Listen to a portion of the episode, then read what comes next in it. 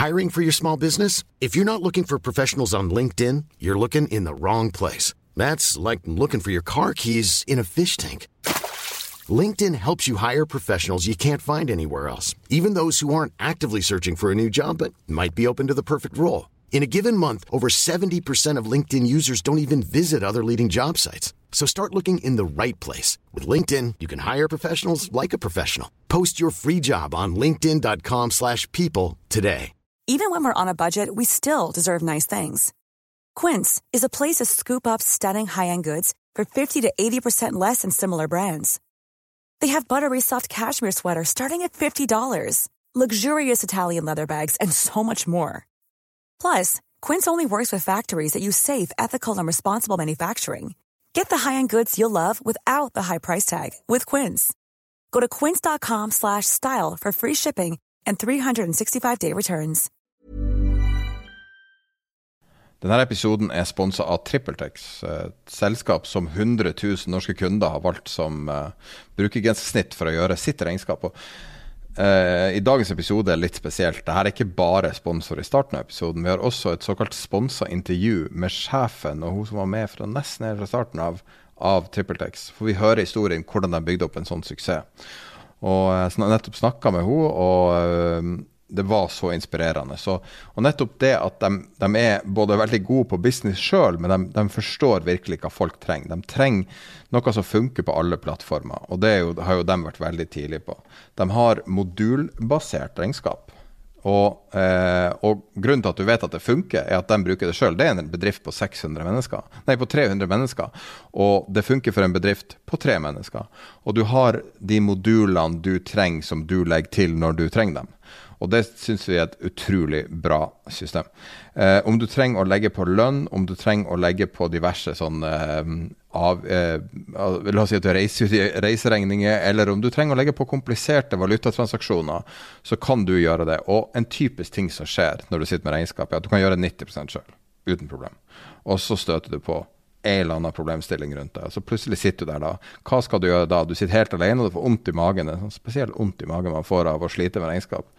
Og det som er så fint med TrippelTex da, og det vet jeg sjøl, for jeg har gjort det akkurat det her, og det er at du bruker deres system for å matches med en regnskapsfører som bruker TrippelTex. Og du kan lett koble det på, få veldig konkrete svar på ting du lurer på, og en times jobb så er alle dine problemer løst med en regnskapsfører. Så får du én faktura, én time, og så har du en du kan bruke gjennom året når du trenger hjelp. Helt fantastisk system. Og du går på trippeltex.no, triplex.no. Jeg er ikke helt sikker på om tid er penger er en kode, men du kan si at du eh, kom fra oss. Og jeg anbefaler på det sterkeste å høre intervjuet. Det var veldig inspirerende. Om ikke noe annet, for å høre hvordan de bygde opp en så stor suksess. Trippeltex.no. They mistook leverage for genius. Leverage for genius. I would recommend Japan. The governments don't rule the world. Velkommen til episode 238 av podkasten 'Tid er penger', en podkast med Pete Warren. Sverre er produsent, og i dag handler det delvis om OpenAI. Selvfølgelig kommer inn på det etter hvert en time ute i podkasten ca. Først snakke om markedet og mange tema som er viktige der. Uh, Peter skal snakke om uh, mer om retta emisjoner og eh, CO2 som investering, altså carbon credits og sånn, og hvordan det fungerer. Eh, og så blir det selvfølgelig mye om, om AI, og så har vi et veldig artig sponsa intervju i dag. Denne episoden er presentert av Dealflow. Dealflow er et selskap eh, som har en, en børs for tidligfaseselskaper. Og akkurat nå har de åtte investeringer som er på vei inn. De nyeste er Down to Earth, Pharma Nordic og Koala. Du kan lese mer på dealflow.no. Denne episoden presenteres også av Fixrate, og du har sikkert hørt om Fixrate mange ganger hvis du har hørt på podkasten en stund, og det er god grunn til det. De gir deg høy rente på innskudd for bedrifter, og siste rente akkurat nå er 5,18% Det høres ut som en ganske god avkastning, hvis det er det, og det er bankrente vi snakker om. Du kan lese mer på fixrate.no. Denne episoden er også presentert av Otovo. Og Tovo er et selskap som hjelper deg å få montert opp solcellepaneler på taket. Og eh, de har falt masse i pris i år. Og jeg ser nå på hjemmesida deres at de har ytterligere 5% reduksjon hvis du bestiller solcellepanel før 1.12. Du kan lese mer på otovo.no. Ny uke, ny podkast.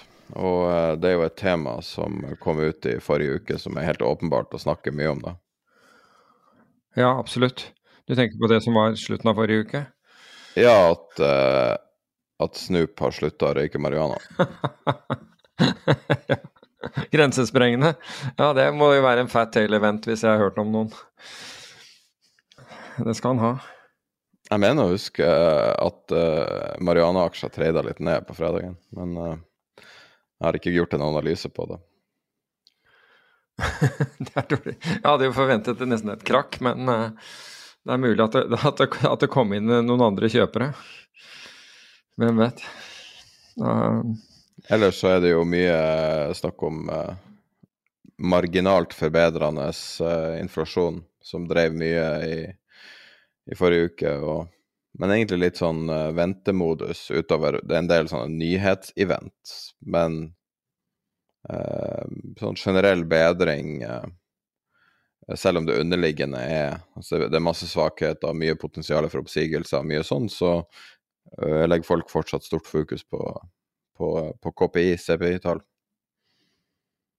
Ja, altså apropos inflasjon. Altså Kaja eh, skal ta, eh, skal ta lappen, eller si at hun tar den når, når hun blir 18, eh, som er på nyåret. Men i forbindelse med det så må de jo gjøre teoriprøver og sånt nå. Og vet du hva glattkjøringskurs koster? Det er i hvert fall der hun tar det. Jeg vet ikke om jeg skal nevne nevne eh, kjøreskolen. 8500 kroner. Vet du hva, det er nøyaktig det jeg brukte på sertifikatet. Ja, du, du, du, du kan ta trafikkflyvesertifikat for noen år siden for mindre enn det. 8500 kroner. Hvem er det disse her, hvem er det de ansetter som kjørelærere? Meglere og advokater, eller? 8500 kroner? Ja, det. det er jo et corner av marked, da. Hvis alle bare setter opp prisen, hva skal man gjøre? Ja, det er akkurat det. Det er akkurat det. Altså, hvor er konkurransemyndigheten i dette her? Herregud. Det blir helt matt, ja, dette her. Så Ja, det er inflasjon overalt. Ja, og mens jeg er on a roll, uh, så her i forrige uke så så jeg dette her med, med sånn papirfakturagebyr, og da hadde Forbrukerrådet gått, gått ut imot noen Jeg husker ikke hvem det var i farten, men de hadde da redusert Jeg lurer på om det var Ice jeg, noe sånt, som hadde da redusert dette her. Fordi de, de kan ikke ta, andre, ta annet enn en faste kostnader. Eh, unnskyld, en, en reelle kostnader på dette her. Og så hadde de tatt 79 kroner eller et eller annet sånt, og så hadde de nå redusert det til 3,75 for noe og 12 for noe annet, avhengig av litt hva, hva det var. Men Telenor de kjører en Arctic på dette. De, de tar 75 kroner. Og de kjører, de kjører da den, en Arctic at vi ser dette annerledes, vi. Det, jeg fatter ikke, altså. Jeg fatter ikke hvem som fortsetter å, å, å, å, bruke Telenor. Altså, jeg er jo den tregeste i verden når det gjelder, når det gjelder sånne ting. Ikke økonomisk i det hele tatt, men forsøker å skjerpe meg. Og så hadde jeg blitt overbevist fordi jeg slo sammen regningene fant ut at det her koster jo altfor mye. Altså, nå tenker jeg sånn telekomregninger og altså mobil, mobiltelefonregninger. Jeg hadde sjekket litt rundt, og det var det, Telenor helt klinkende klart det dyreste. Og så sier jeg ja, men du, du, vi kan sette deg på eh, sånn familiepakke, fordi da kan du overføre data. Kaja er sånn som går, gikk tom for data hele tiden. Uh, da kan du overføre data innad. Så da, da, er ikke det et problem. Funka veldig bra. Kostet litt, men ikke, ikke, ikke noe spesielt, og, og, det var bra. Og så plutselig så sier, sier Kai du, jeg har gått tom for data. tenker jeg, Herregud, liksom, hvor mye jeg har brukt nå, og så videre. Og, og så får jeg ikke overført data. Plutselig får jeg ikke overført uh, data til henne. Og da får jeg uh, e-mailer fra, fra, Telenor at, det, at hun, er, hun, er, i ferd med å gå tom, og, men du kan oppgradere til selvfølgelig en dyrere pakke for at hun skulle få. Og så Til slutt så ringer jeg Telenor og sier jeg, hva var vitsen med den familiepakken? Dere er slått av det at jeg kan overføre data. Hva, hva er poenget med den, den, pakken da? Og ja, men, ja ja, vi kan godt slå det på igjen, sier vedkommende. Hvorfor slo du da av, da? Nei, det er, det er sånn vi av og til gjør. Hva, er det mulig, eller? Og så mens jeg gikk gjennom fakturaen, så, så har jeg betalt 50 kroner i måneden i en avgift for avbetaling på mobiltelefon. Og jeg har aldri hatt avbetaling på noen mobiltelefon. Jeg har ikke avbetaling generelt. Men Å ja. Nei, det, her, det, det, var, det var, notert hos, hos en forhandler av Telenor-forhandler. Du, er det mulig, eller? Nei. Så uh, ut av Telenor, for å si det på den måten. Jeg har, jeg har tatt ansvar. Nei, det, det, er litt sånn problematisk når eh, staten skal eie andeler, store andeler i 70 pluss selskaper, og så hvordan regulerer man seg sjøl? Ja, så er de verstingselskapene. Ikke sant? De, det er de som er verstingene overfor forbrukerne. Nei, men Orker du, eller? De har liksom ingenting å forsvare seg med. Og ja, ja, vi kan stoppe den der 50 kroner. Glem det der at du har drevet og betalt det der. og Det, er min sløvhet. Det er helt greit. Jeg har ikke lagt merke til at jeg har hivd på 50 kroner. Men jeg sier, det er jo ingen telefon som er tatt på avbetaling. Hvordan kan dere, hvordan kan dere føre på det? Ja, det var, ikke, det, var butikken deres, da måtte, måtte, de snakke med dem. Ja, det tenker jeg. Det kommer til å skje mye. Det er jo litt sånn når du ser på, på Biden sin State of the Union, så snakker han jo om eh, amerikanske Altså I USA så kaller de jo eh, at, at når å gjøre sånn her praksis, kaller de nickel and dime det, at du bare legger på masse avgifter ditt og datt. Og han tok jo oppgjør med det i State of the Union, som var oppsiktsvekkende. Men det er jo også en, en veldig sånn fin ting å gjøre for en statsleder.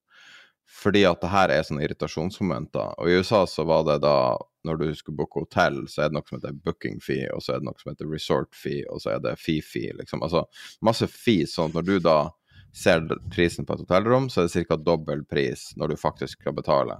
Mm. Når du ser prisen på en matrett, så er det liksom 40-50% dyrere når du liksom regner med alt på alle måter. Og så er det der forferdelige tipset en del av det, da. Ja.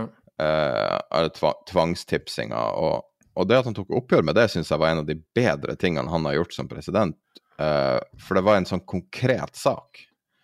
Og hvis man har lyst til å score noen billige poenger som politikere, så er det jo nettopp å snakke om, spesielt nå når eh, jeg hørte et intervju i en podkast i går, og det var en ganske profilert person som sa Husker du i gamle dager når, når det kolette var, og folk bare gikk ut og spiste uten å tenke på det? Sånn. Så tenkte jeg, er, er det blitt sånn at folk allerede snakker på den måten at det er ikke et alternativ lenger? Han var en ganske sånn, man skulle tro, bemidla, profilert person. Mm. Uh, og når folk er i den situasjonen, så vet jeg på at det her har vært en superpopulær uh, liksom posisjon å ta. Og bare si at vi er lei av uh, f.eks. fakturaavgifter, vi er lei av å finne flere sånne små ting der folk blir liksom skrudd litt grann hver eneste dag. Mm. Men i USA, altså jeg kan ikke, Akkurat det, det du nevnte her med resort fee når jeg er på den konferansen i, i, slutten av januar, begynnelsen av februar, i, eh, i finanskonferansen i Miami, der er det akkurat det der. Og så spurte jeg hva er det der for noe? Jo, det er for, eh, for håndklær og sånn med svømmebassenger. Så jeg har, ikke, jeg har ikke brukt svømmebasseng, jeg har ikke hatt tid til det. Du begynner tidlig, og du er, du er, du er ferdig sent og går i middag e, etterpå. Nei, men det er sånn også.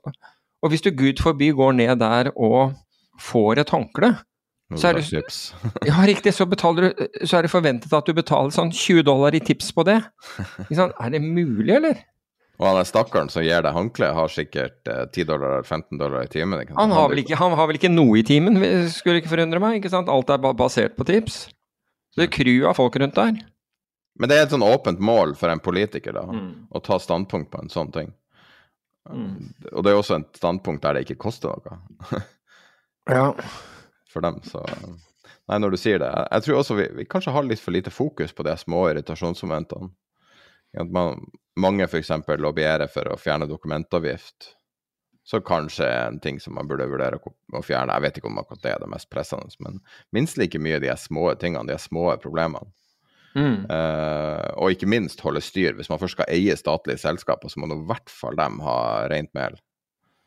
Altså, det er helt gitt. Men jeg, jeg, jeg, jeg, så for øvrig vi, vi kommer tilbake til det siden, men, men en som da for, i forbindelse med dette her med fortrinnsrettede emisjoner kontra, eh, kontra rettede em- emisjoner, så var det en megler som påpekte at, eh, at disse, disse rettede emisjonene krevde ikke prospekt. Og hvis du skulle ha prospekt, så, så da brukte jo Finanstilsynet minst to måneder på det. Så du liksom kasta bort masse tid. Hva er det de driver med i Finanstilsynet? Hvorfor bruker de to måneder på å gjennomgå et prospekt? Du ville jo tro at det der, altså Enten så er det innafor, at, at det er raskt å gå gjennom, kunne bruke en AI eller et eller annet sånt på det. Enten er det innafor, ellers er det utenfor. Hvorfor skal du bruke to måneder på det? Der har jeg, helt, der har jeg sympati med både, øh, både bedriften og for så vidt meglerforetaket. At, altså, hvorfor, at du må kaste bort to måneder med, med en sånn prosess med Finanstilsynet. Hvorfor det? Og hvorfor skal det ta seks måneder eller noe sånt nå å få, få en, eh, en konsesjon til, til, til å drive forvaltning eller en av disse her vanlige konsesjonene. Hvorfor? Og hvor, ikke bare det, men det koster jo hundrevis av tusener av kroner i advokathonorarer. Hvorfor det? Ja, altså, hvor, hvorfor skal du bidra til å jekke opp inflasjon og kostnader og sinke ting? Nei. Men Skal vi snakke litt om finans først, før vi går videre på diverse Var innom, var innom finans. Skal jeg begynne med vil, vil du begynne med OpenAI, eller skal vi begynne med det som skjedde i forrige uke, bare sånn kjapt gjennom? må ta det som, eh, det som er nytt nå. Altså ta eh, markedet først. Ja, ta markedet først. Ja, det, altså forrige uke, det, altså, det, er jo de ting, det er jo ting som beveger seg der ute, og forrige uke var, var vel relativt bra på, på, på mange måter, med Bulk-ETF-en, altså eh, som gikk opp 13% Det er faktisk noen nordmenn eh, nå som da bl.a. Har, har fulgt med på oss, som, som følger med på de og av og til handler i det, faktisk, disse ETF-ene. Eh, Var opp 13% ARK, sikkert delvis pga. Tesla, var opp, var opp 10% Og Tesla var opp 9% og i forbindelse med at Tesla var opp 9 så må jeg si at den, den nyheten som Wall Street Journal kom med om at uh, hedgefondforvalteren, altså han han har jo stort sett vært en sånn short-forvalter, short-forvalter, fordi han har funnet selskaper som han mener er vanvittig overpriset, eller, uh, eller som uh, det rett og slett har vært svindel. Jim Chanos, Kynikos uh, Associates, eh, han legger ned fondet sitt. Og dette var et fond som på In the Heydays var, da hadde han over 6 milliarder dollar til forvaltning, og i øyeblikket så er det visst noe sånn som 200 millioner dollar igjen. Oi, seriøst. Ja. Så nå legger Han han er ned 66 også, da. Hva sier du? Han er jo 66 også. Han er 66 år, men, men øh, jeg tror at øh, han han, han bare funnet ut at han ikke, han ikke, ikke gidder mer. Altså jeg, jeg, jeg skjønner jo også at ting som kvantitative lettelser og det der dramaet og null, nullrente altså Når vi, man hadde det, så var det ekstremt vanskelig å punktere ballonger. Typisk sånn eh, tegn i tiden at liksom nå, nå, nå går markedet ned. Akkurat når han gir opp, liksom. Det, det var jo eh, Var ikke det det med han, eh, han som er i introen vår, så nå husker jeg ikke navnet hans. Var ikke det rett før covid han la ned? Eh, system Nei, hva, hva heter han? Nei, det var vel ikke rett eh, eh, du, men, øh, du mener å, han, han som bor i, eh, bor i eh, Skotte som bor i Herregud, da. Nå Han er til og med friend of the pod. Han er navnet. friend of the pod, og jeg er Hugh Henry, for God's sake. Eh, Jeg husker, nei, det var, jeg husker ikke om det var rett før, før eh, covid Nei, jeg tror det var lenger før det, fordi jeg husker at jeg traff han i Oslo bl.a. hvor han var og prøvde å, å hente, inn, uh, hente inn penger sammen med han Espen Bårdsen som, uh, som jobbet for han, altså han nordmannen som var co-forvalter der. Men nå driver han jo bare nede i en av Hva er det ka- karibiske øya han, uh, han har et, Han leier ut Han har bygget der og leier ut le- villaer og noe Jeg må si at han er litt sånn skuffelse. Vi har hatt en del gjester som jeg har tidligere liksom sett litt opp til, og, og i ettertid så bare sånn Jeg angrer litt på Altså sånn som han holder på. Han er virkelig løs kanon. Altså. Ja, han er veldig løs kanon. Jeg vil ikke han, la han forvalte ei krone for meg. Nei, jeg, jeg vet ikke. altså Så lenge jeg er par i pesu med han, så, så det, vil jeg ikke være, være, engstelig for det. Altså Han tar, eh, han tar standpunkter, og han ser muligheter som Jeg vet det, men det er, nå tenker jeg utelukkende på oppførsel. Ja, altså at han, han er eh, Hva skal jeg si? da? Eksentrisk, er ikke det en grei måte å si det på? jeg, skrev, jeg husker jeg sendte han en melding etter han hadde vært gjest, og det hadde jo veldig god tone. og alt sånn, svarte han det rareste jævla Og det var sånn OK. Ja, han, det her er, altså, det, virka som han var bare veldig rusa, eller framsto som det da, og da Nei. Ja, men han har, vel, han har, vel, sagt noe om akkurat sånne ting også av og til, så det er vel ikke helt uh, tatt ut av lufta at han, at han, kunne ha enten vært on a bender eller et eller annet sånt, men uh, Men det er jo bad for business å være kontroversiell, da. Og, og det er jo det folk snakker om. Hvorfor tar ikke næringslivsledere standpunkt i Israel-Palestina? Nei, fordi at det er bad for business. Du kan ikke ha meninger hvis du har lyst til å, å drive en virksomhet. Være venner med alle? Nei. Ja, du må rett og slett være nøytral. Og, og, det vi har jo sett nå i helga, hvordan det er når man har et uproft styre, hvordan det er å ha uproff ledelse, hvor kostbart det kan være. Det kan være make or break. Ja, går, øh, er du på vei over i uh, Nei da, jeg skal ikke gå på OpenAI nå, men jeg sier nei, det altså, som eksempel. Det var det du refererte til? Ja. Uh, Å ja, akkurat. Ja. Jeg er enig i det. For øvrig, altså Jim Chain, altså Jim Chanos altså, Hver gang han jeg har hørt han snakke, jeg har ikke møtt ham, men hver gang jeg har hørt han snakke, så, um, så må jeg si at han har tilført noe. Um, og det, det, gjør Hugh Henry innimellom også, for all del, men det er, det er litt mye sånn uh, kok innimellom han. Men, men, men, Jim Chanos, han må jeg si at han har alltid tilført noe. Han har alltid en sånn somber rolig, men veldig tydelig vurdering av noe. Um, så jeg, så jeg syns jo at det er veldig synd at han, at han eventuelt uh, for, forsvinner ut av finans. Nå er han vel god for godt over 4 milliarder kroner, så han, han det, er, det, er, ikke synd på han eh, på, på den måten, men uh, men I'd rather see him stay, for å si det på den måten. For jeg tror markedet har veldig godt av folk som tør å si meningen sin. Uh, og, og, tør å stå for det de sier. Det er altfor mange som ikke gjør det. Eller vil si, flertallet gjør jo ikke det. Men tilbake til markedet, da. Så, så var det jo en hel ting ellers, da. Det var biotek, uran, tank og ren energi, ETF-en, vi, vi, har nevnt noen ganger nå, de var, de var alle, og sølv, de var alle opp mellom 7 og 8 på en uke. Det er jo ganske brukbart. MSCI var opp nesten 3% 2,9 rett tett etterfulgt av 20 år, den ETF-en med 20 års eh, amerikanske statsobligasjoner som steg 2,3 og slo da SMP-en med 0,1% som da var eh, SMP-en var opp 2,2 og Oslo Børs var heller, eh, heller Sumber med, med 1,3 eh, oppgang. Det, det interessante er da når du ser på sånn som 20 års amerikanske statsobligasjoner. Det der skal være liksom the risk-free rate og the risk-free asset, altså i form av at du, du tar ikke annen kredittrisiko enn en på, på, amerikanske stat. Det er opp 2,3 mens high yield i USA var opp 1% det er den som har mest kredittrisiko. High yield i Europa var, var vel opp 0,7% Nå baserer jeg meg på, på ETF-ene som baserer seg på indekser av disse. Hvor feil kan egentlig markedet ta? For man sier jo liksom at jo, jo mer transaksjoner det er Amerikansk high har jo relativt mange transaksjoner, så, så vil markedet finne en, en, equilibrium, så vil markedet finne en korrekt pris. Men er det her en sånn kollektiv illusjon vi ser, der du har eh, amerikansk stat og amerikansk high yield, altså to spektre av risk mm. som er prisa likt.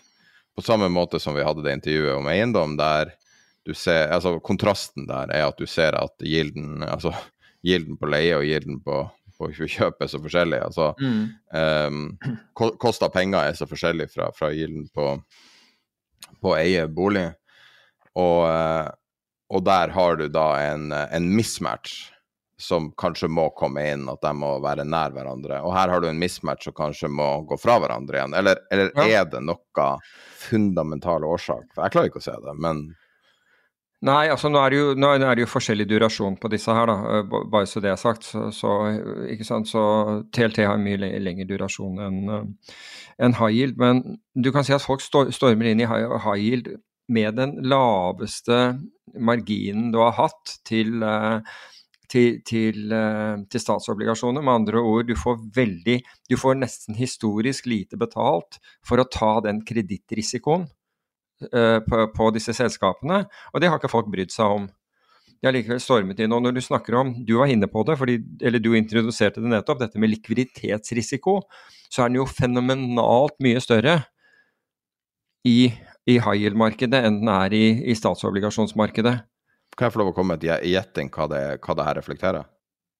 Ja. Er det her et bet på QE? At QE bare er dømt til å komme? Og Nei, det er negativt for stat, positivt for selskapet? Um, det har kommet 15 ganger på rad nå, på siden. Altså, det har kommet ja, i alle. Altså, ny QE, nye tiltak. Bare, bare, det er bare tidsspørsmål. Jo, men hør her. Men, men, men, i så fall, da. Hvis du tror på Ja, altså Hvis, hvis du tror på QE, så skal du jo definitivt eie lang stat. Lang durasjon. Eller det er, det det du sier, eller, eller tenker Nei, du jeg sier helt motsatt. Fordi at QE vil belaste statsfinansene og vil lette selskapsfinansene? Ja, men du vet, i QE så gjør man jo ikke sant, Da kjøper man jo bl.a. lange obligasjoner for å, for å, presse ned renten, ikke sant, for å, for å få renten ned. Det er, det er, jo litt av det man gjør.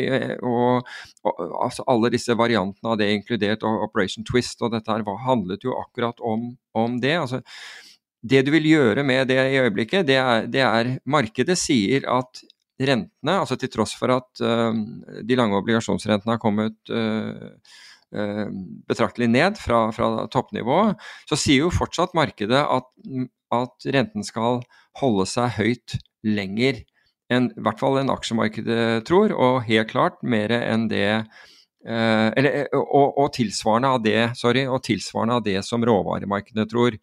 For råvaremarkedene priser jo inn at, uh, at verdensøkonomien skal sakke ned.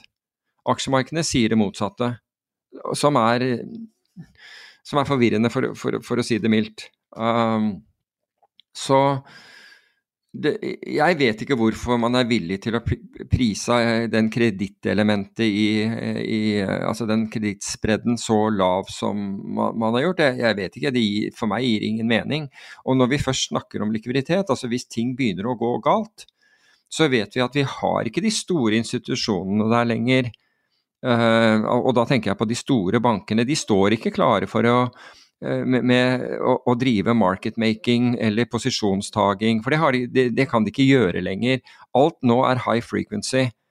Slik at jeg kan garantere deg at likviditeten forsvinner først ut, ut, av, ut av, yield, det er ingen, ingen tvil.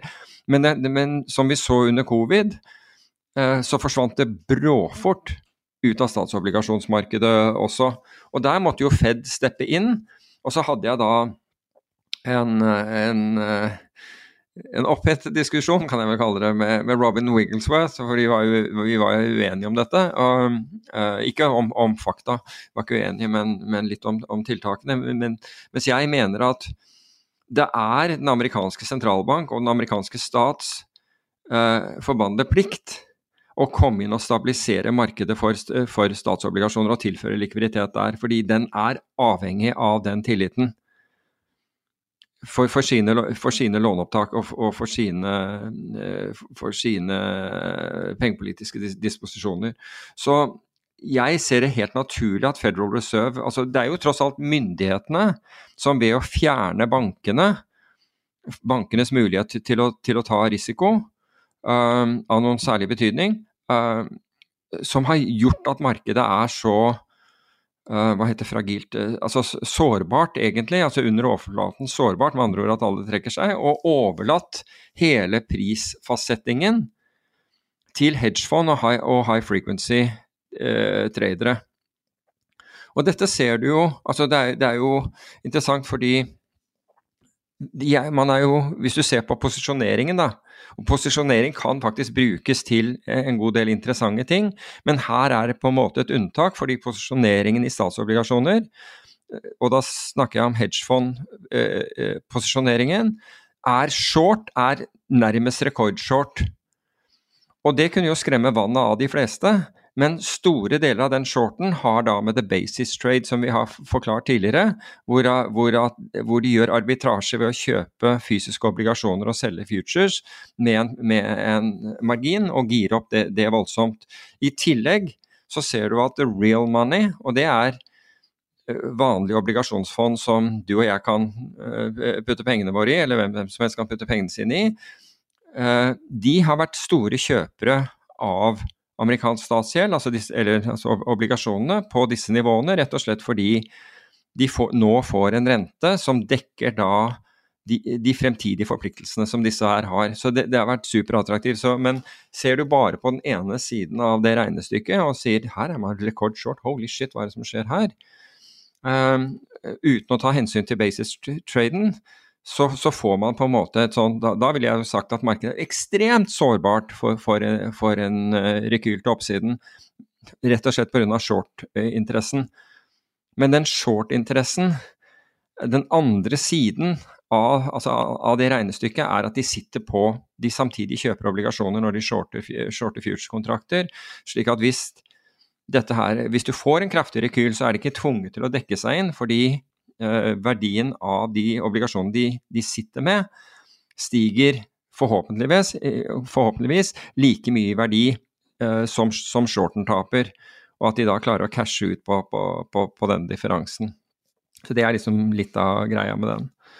Uh, ellers så, så, så jeg var det vel Platinum som hadde nær rekordshorts, og så var det dytta på masse nye short-posisjoner i kobber. Og Det er også en sånn ting man, man, skal tenke på, fordi kobber er tross alt et av de viktigste industrielle metallene. Og etterspørselen der, altså de som shorter de, tror helt klart på mindre, til, mindre etterspørsel etter kobber. Og det er egentlig det samme som å bette mot verdensøkonomien. altså med andre ord, Da tror du at verdensøkonomien uh, sakker av. Har du fulgt med på Kina i det siste? Ja, men hva tenker du på? Jeg har det. Jeg bare har uh, lest meg litt opp den siste uka om tilstanden i Kina, og uh, det ser ganske dystert ut. Altså. Så med, med, tanke på at uh, store kobbertradere sitter i Kina, stor del av kobber som kjøper seg i Kina, mm. og at når man ser på den generelle, liksom sånn udefinerbare filen i markedet, så er det ikke noe positivitet å spore, egentlig det er et marked under voldsomt press. Alle mm. på en måte, som, som er optimister, sitter og venter på en sånn megakue fra myndighetene som man skulle tro kanskje ville ha kommet hvis det skulle komme. Eh, og at de da er sensitive på så mange områder. Altså, det rives jo bare bygg. Det bygges jo ikke bygg i Kina for tida. Mm. Bygges ikke høyhus. Det, så liksom uten den baseetterspørselen, hva er, hva er kobber egentlig da? Eh, altså rett, før denne, rett, før denne, samtalen her så var jeg på telefonen med en hedgefondforvalter som, eh, som, vi begge har snakket med, og, og, men som jeg i og med at det var ikke planlagt å, å, å snakke om han, så vil jeg ikke nevne navnet eh, her. Men, men han, også, han, så også ting som var helt Vi, vi snakket deriblant om, om, Kina. Og han så også ting der, der som han mente at det her vil ikke holde. At det er hvert øyeblikk før, før man, man, ser ting reversere. Og han er, han er godt connected, så, um, så, han er verdt å, verdt å lytte til. Så Det verste jeg syns med Kina, er at holdningen har endra seg. Så holdningen i 2019 i Kina var bare alt er mulig. Investorene tenkte alt er mulig. Når investorer og folket og de med penger og de med, med, ressurser i alle former tenker det, og politikerne tenker det, så er faktisk veldig mange ting mulig. For da er det liksom Motoren har masse olje. Og sånn mm. som jeg har lest meg opp og, og det jeg snakker med folk om Kina nå, så ser det ut som at den den grunnleggende holdninga endrer seg. Så folk investerer ikke nå. De sitter og holder på pengene, de som har det. Og at folk generelt på en måte nesten holder seg hjemme. Altså det som før var der steder der det før var barer, det er stengt, liksom. Altså alt, sånn, alt som er dynamikk i samfunnet, og, og, ikke minst altså hver fjerde expat er jo forlatt. Nei, så tre av fire expater er forlatt. Sånn at den, mm. uh, du har uh, første Vi hadde jo i forrige nyhetsbrev, så la vi med um, en, en, graf av uh, foreign direct investment, altså midler som investeres fra, av utlendinger i Kina for første gang Eller vi legger det med i det her nyhetsprøvet. For første gang så lenge vi har data, er negativ. Folk trekker penger ut av Kina. Mm. Apple etablerer seg i India. Apple har jo vært et sånt foregangsselskap som har forhandla direkte med myndighetene i, i, alle år, og spesielt Cook. Og um, uh, det at de drar til San Francisco, er jo ikke en tilfeldighet. ikke sant? Det her er jo for å trekke tilbake folk, og trekke tilbake penger inn i Kina. Mm. Men, men, det er noe som skjer der, og det, og det var jo en whimper. Den gjenåpninga etter covid var jo ingenting. Nei, det, det, men der tror jeg var det Man kan også skylde på vestlige forventninger, føler jeg. Fordi eh, Kina ga vel beskjed, eller ganske klar indikasjon da, i hvert fall, at den gjenåpningen ikke ville være med et smell, men at den ville gå veldig gradvis, for de var redd for oppblussing. Samtidig så så jeg at, uh, at analyser fra, fra, investeringsbankene, det var liksom det var jo Nå er det fullt trykk, og nå kommer liksom Nå kommer det. Uh, så det virket som det var en en, en Ja, hva skal du kalle det? Uh, helt klart motsetningsforhold da, mellom, mellom de to. altså rett og slett en dissonans mellom i, i, mellom kom, kommunikasjonen fra, i, fra, fra Kina og, og, kommunikasjonen fra investeringsbanker, om du vil. Vi snakka jo om Goldman sin uh, veldig sånne rare analyser, mm. som var så positive at det var liksom sånn suspekt. Ja. Uh, og det skjønner jeg jo. altså De vil jo være bullers, liksom. Det er bra for business å være bullers. Men det var jo ikke så altså Goldman har jo ofte veldig høy kvalitet på analysene. Men akkurat Kina-analysene mens de var litt sånn, bare litt preg av at de var interessert i å få, få inn penger i Kina, koste hva det koste vil, liksom. Ja, men ja, vi kan jo, vi kan jo ta, ta, et par ord om Goldman mens vi er i gang. fordi altså Goldman, Goldman sliter jo litt om dagen, for å, for, for, å si det, for å si det forsiktig. Og nå var det var det et journalist i Wall Street Journal eller i Financial Times? Tenker du Bethany McLean? Saken. Ja, sorry, det var Bethany McLean. Hvor var det den sto hen? Business Insider av alle steder.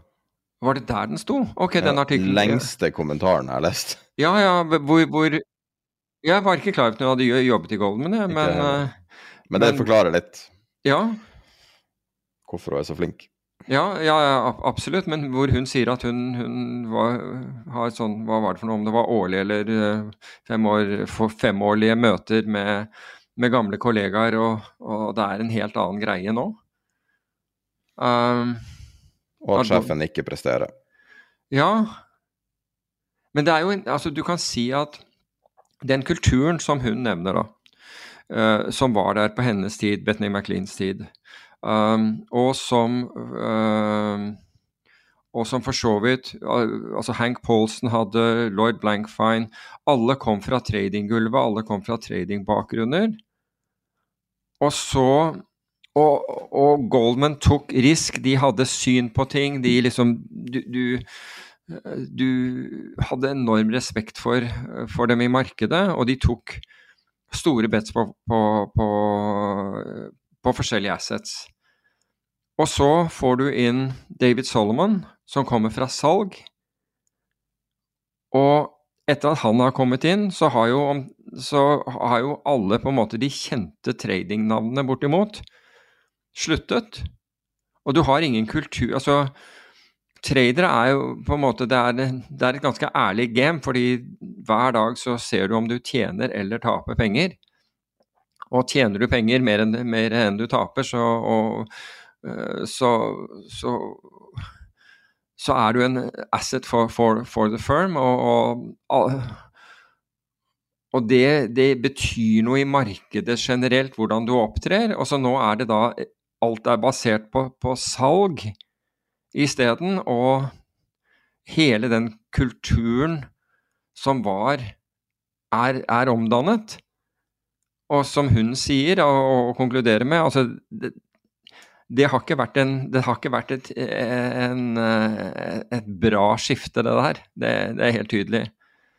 Og en sjef som da jeg vet ikke, Det første du gjør, er å dette har vi nevnt før, altså er, er, å kjøpe to privatjetter som Goldman aldri hadde eid før. De hadde leiet inn hvis de, hvis de, først trengte det. sånn nettjets og, og, og, sånne ting, og så kjøper du det, og du, og du flyr av gårde for, for interiør, fordi du skal ha ditt eget sånn skreddersydde interiør på disse. Han er altså helt opptatt av det, og så begynner han å fly rundt, i, rundt omkring i USA på, på discjockey-oppdrag med Company-jeten, og vil ikke svare på om han betaler dette selv, eller om det er Goldman som, som betaler, og det er vel svaret i seg selv. Han nekter å svare på det. Um, så det, er jo liksom totalt mista fokus og, og, og det moduset som, som, de hadde, da. Alle bøkene om Goldman og sånn refererer jo alltid tilbake til det øyeblikket, og det var børsnoteringa. Ja, det for så vidt. Og Goldman mista jo på en måte sjelen sin mm. med børsnoteringa, der eh, man endra måten man så på risiko. Eh, men det hun påpeker er jo veldig interessant, for jeg tror at veldig mye av denne historien er fundert ut på én enkel ting, og det at han har endra hvordan eh, eh, bonusstrukturen fungerer. Ja. Sånn, I praksis har man tatt bonusen fra halvparten av inntektene til 30% så Grunnen til at du får så mye dirt om han nå, er nok veldig mye interne folk som sitter og teller på kroner hvor mye mindre de tjener pga. han, fordi at han prioriterer eh, investorer som da direkte går tilbake på hans kompensasjon.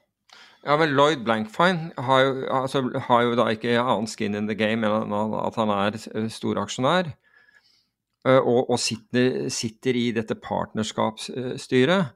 Og han, jo, han er jo altså hva skal vi si det, altså mot, mot normalt for Goldman gått ut og kritisert uh, altså kritisert Salomon direkte.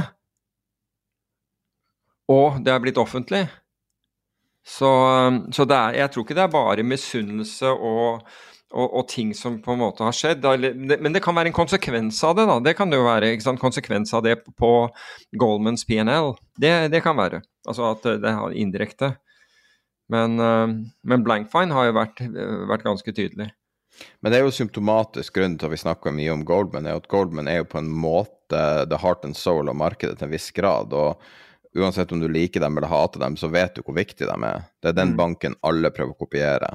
Var den banken Ken Griffin prøvde å kopiere når han trodde Citadel skulle bli full service. så var det liksom, Han ville bli Goldman. Alle vil, i, i, gamle dager så kan man sammenligne det med sånn som folk så på Rosenborg i norsk fotball. Det var liksom, det var benchmarken. Mm. Nå er selvfølgelig ikke det tilfellet lenger, og på en måte er ikke Goldman benchmarken heller. Nå er det langt mer at man ser mot JP Morgan, vil jeg tro.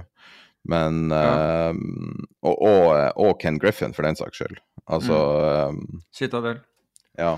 ja. Så um, Men det er, det er, litt sånn, sånn symptomatisk for uh, det er litt symptomatisk for markedet som har mista litt sjela si, på en måte. Og, og, det Goldman gjorde som han var kritisert for, var jo at det gikk inn i retail-virksomhet og brente en Det var tett på 10 ja. milliarder dollar eller noe sånt. Det var en stor sum, i hvert fall. Og nå har prøvd å forlate det igjen. Så. Men samtidig har han rydda opp i ryktet deres, da. fordi at før i tida så kunne du ikke si at du jobba i Goldman, det var jo farlig, liksom. Du kunne bli angrepet på gata hvis du sa det. Sånn at det er jo litt sånn nyansert her. Men, men altså, jeg, for egen del så hadde jeg masse dårlige erfaringer med, med, med Goldman. Um, hvor de gikk fra Altså gjorde sånne weirde ting som å gå fra handler uh, uh, i, i valutaopsjoner og, og, si at nei, han mente å stille noe annet. ikke sant? Enda prisen var, altså Hadde prisen vært helt off, så hadde det vært en, vært en annen sak. Men når, når, den ikke var det, så altså sånn helt køllete ting, da.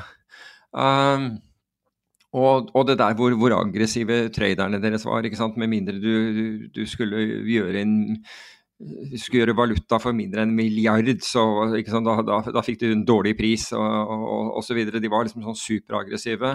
Men det sagt, i finanskrisen, da liksom dritten virkelig traff vifta, og man, man, man, trengte priser i, i, i, forskjellige ting, altså som for vår del var, var, var OTC-instrumenter som eh, variant swaps, wall swaps, eh, CDS-er eh, og en hel haug andre ting. For så vidt også valuta. Da, var de på, da var de, stilte de alltid opp, og da var prisen deres bra. altså. Da var prisen deres mye bedre enn noen annen. kunne liksom da ha rippet, eh, rippet deg for, for, mye der i, i, tro på at kanskje ikke du hadde andre å handle med. Men, altså det hadde vi, men, men, greia var at der poppet Goldman opp more often than not som, som best pris, da. Slik at de var altså Selv om alle var jo stresset i finanskrisen, tror jeg, men, men Goldman hadde lavere, lavere, skuldre, og traderne eh, de, de, de var på ingen måte desperate. De, der var det liksom virkelig Altså ikke bare business as usual, men, men det så ut som de anstrengte seg mer. Og definitivt var hyggeligere enn en i, en i fredstid. Så så, så, du kan si at Og så er det, mange, mange ting med, med, Goldman som er kjempebra, for all del. Altså, og, og prime brokerage-biten deres, som jeg har hatt mye med å gjøre, bl.a., har alltid fungert. Og, men akkurat den, der, den trading-meglervirksomheten, den hadde jeg sånn virkelig ambivalent forhold til. Men når det gjaldt, da, så gjorde de det motsatte av hva en hel haug andre banker gjorde.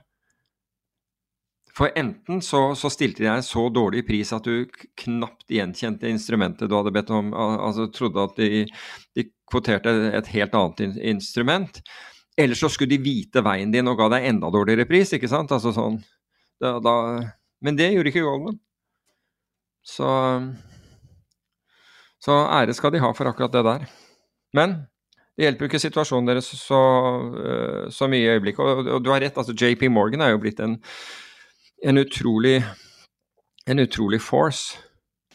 Men apropos, altså siden vi er inne på, på, på JP Morgan, så, så, så jeg en liste altså vi, vi, har jo snakket om krypto har gått, og at egentlig ingen er interessert og osv. Og, og vi ser at de Altså retail, altså småsparerne har alle, har alle solgt seg ut, og det var, ble vel bortimot bekreftet av Eljarn, at liksom stort sett de, de vært selgere er borte.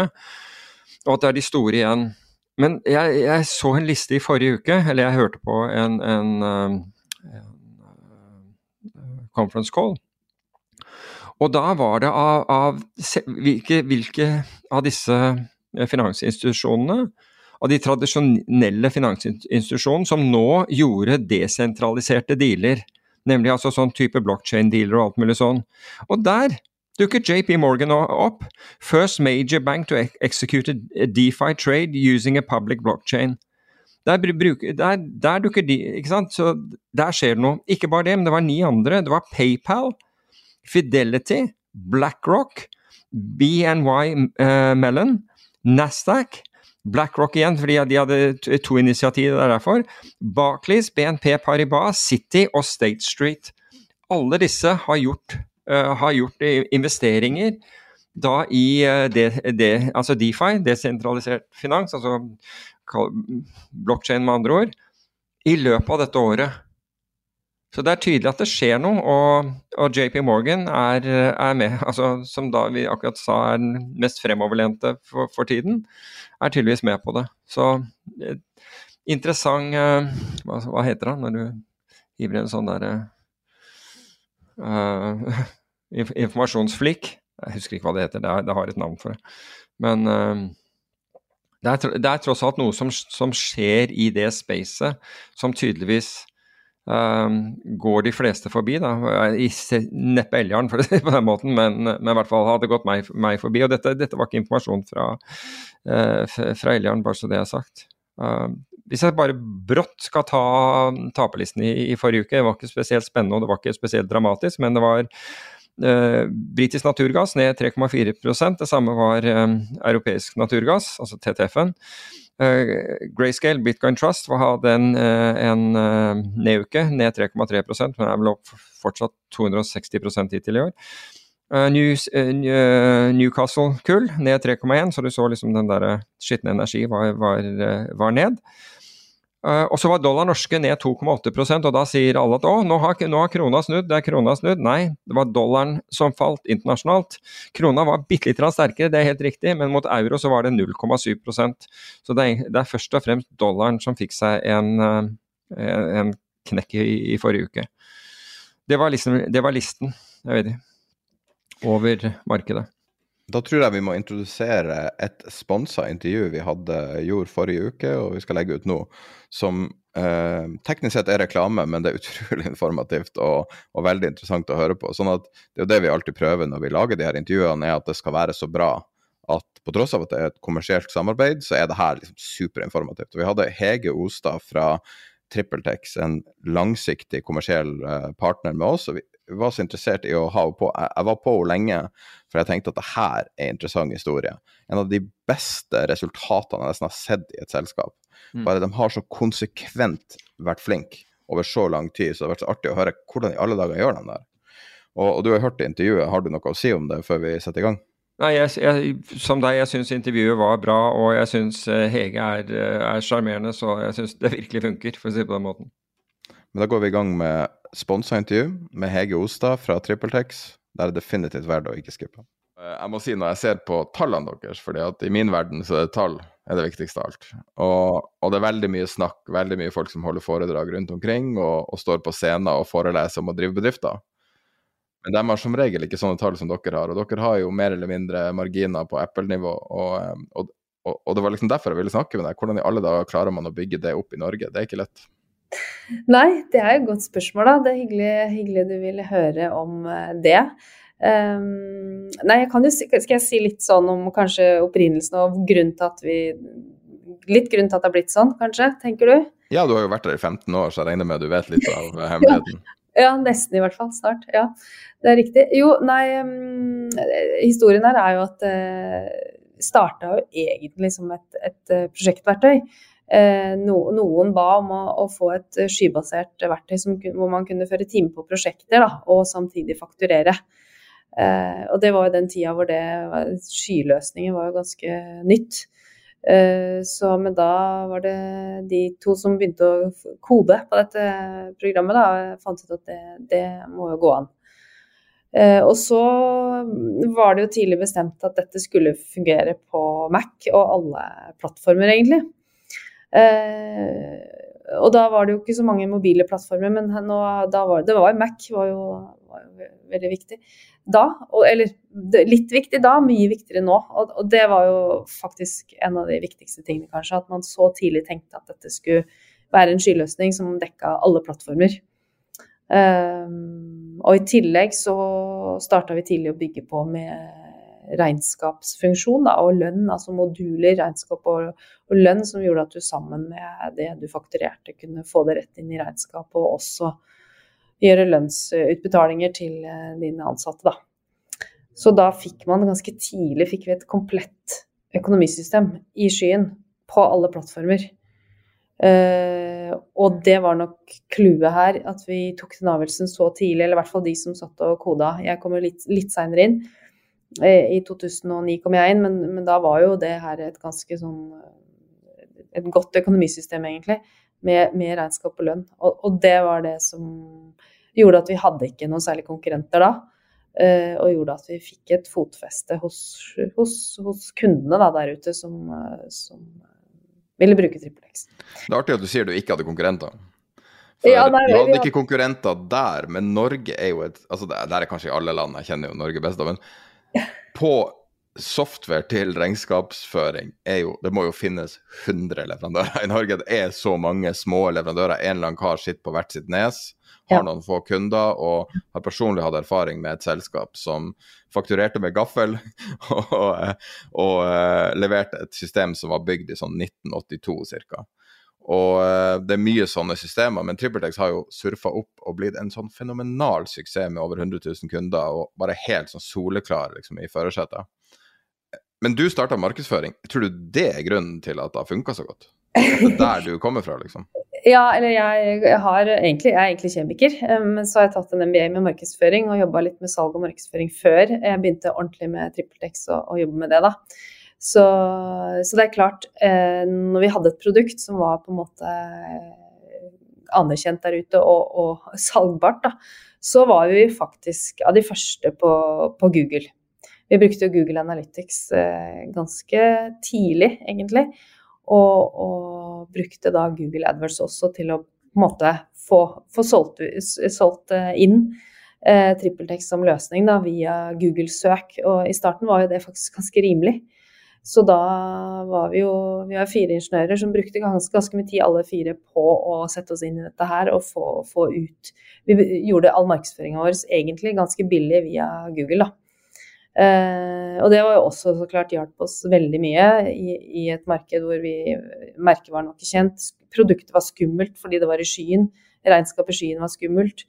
Vi var helt ukjent som, som brand, som, som, som, produkt og merkevare. Så det var jo så klart eh, hjalp oss godt eh, å komme, komme, litt ut, utfor hoppkanten, da. Med et rart navn. er det lov å spørre hva det navnet betyr? Trippeltex. Tenkte du på navnet TrippelTex? Ja. Det høres ja. litt ut som vaskemiddel hvis du ikke vet hva det er. Ja, ja, ja. Nei, det er jo veldig tilfeldig det også, egentlig. Fordi um, i, da det ble stifta den gang, så, så, i 2002, så var det jo viktig å finne et navn.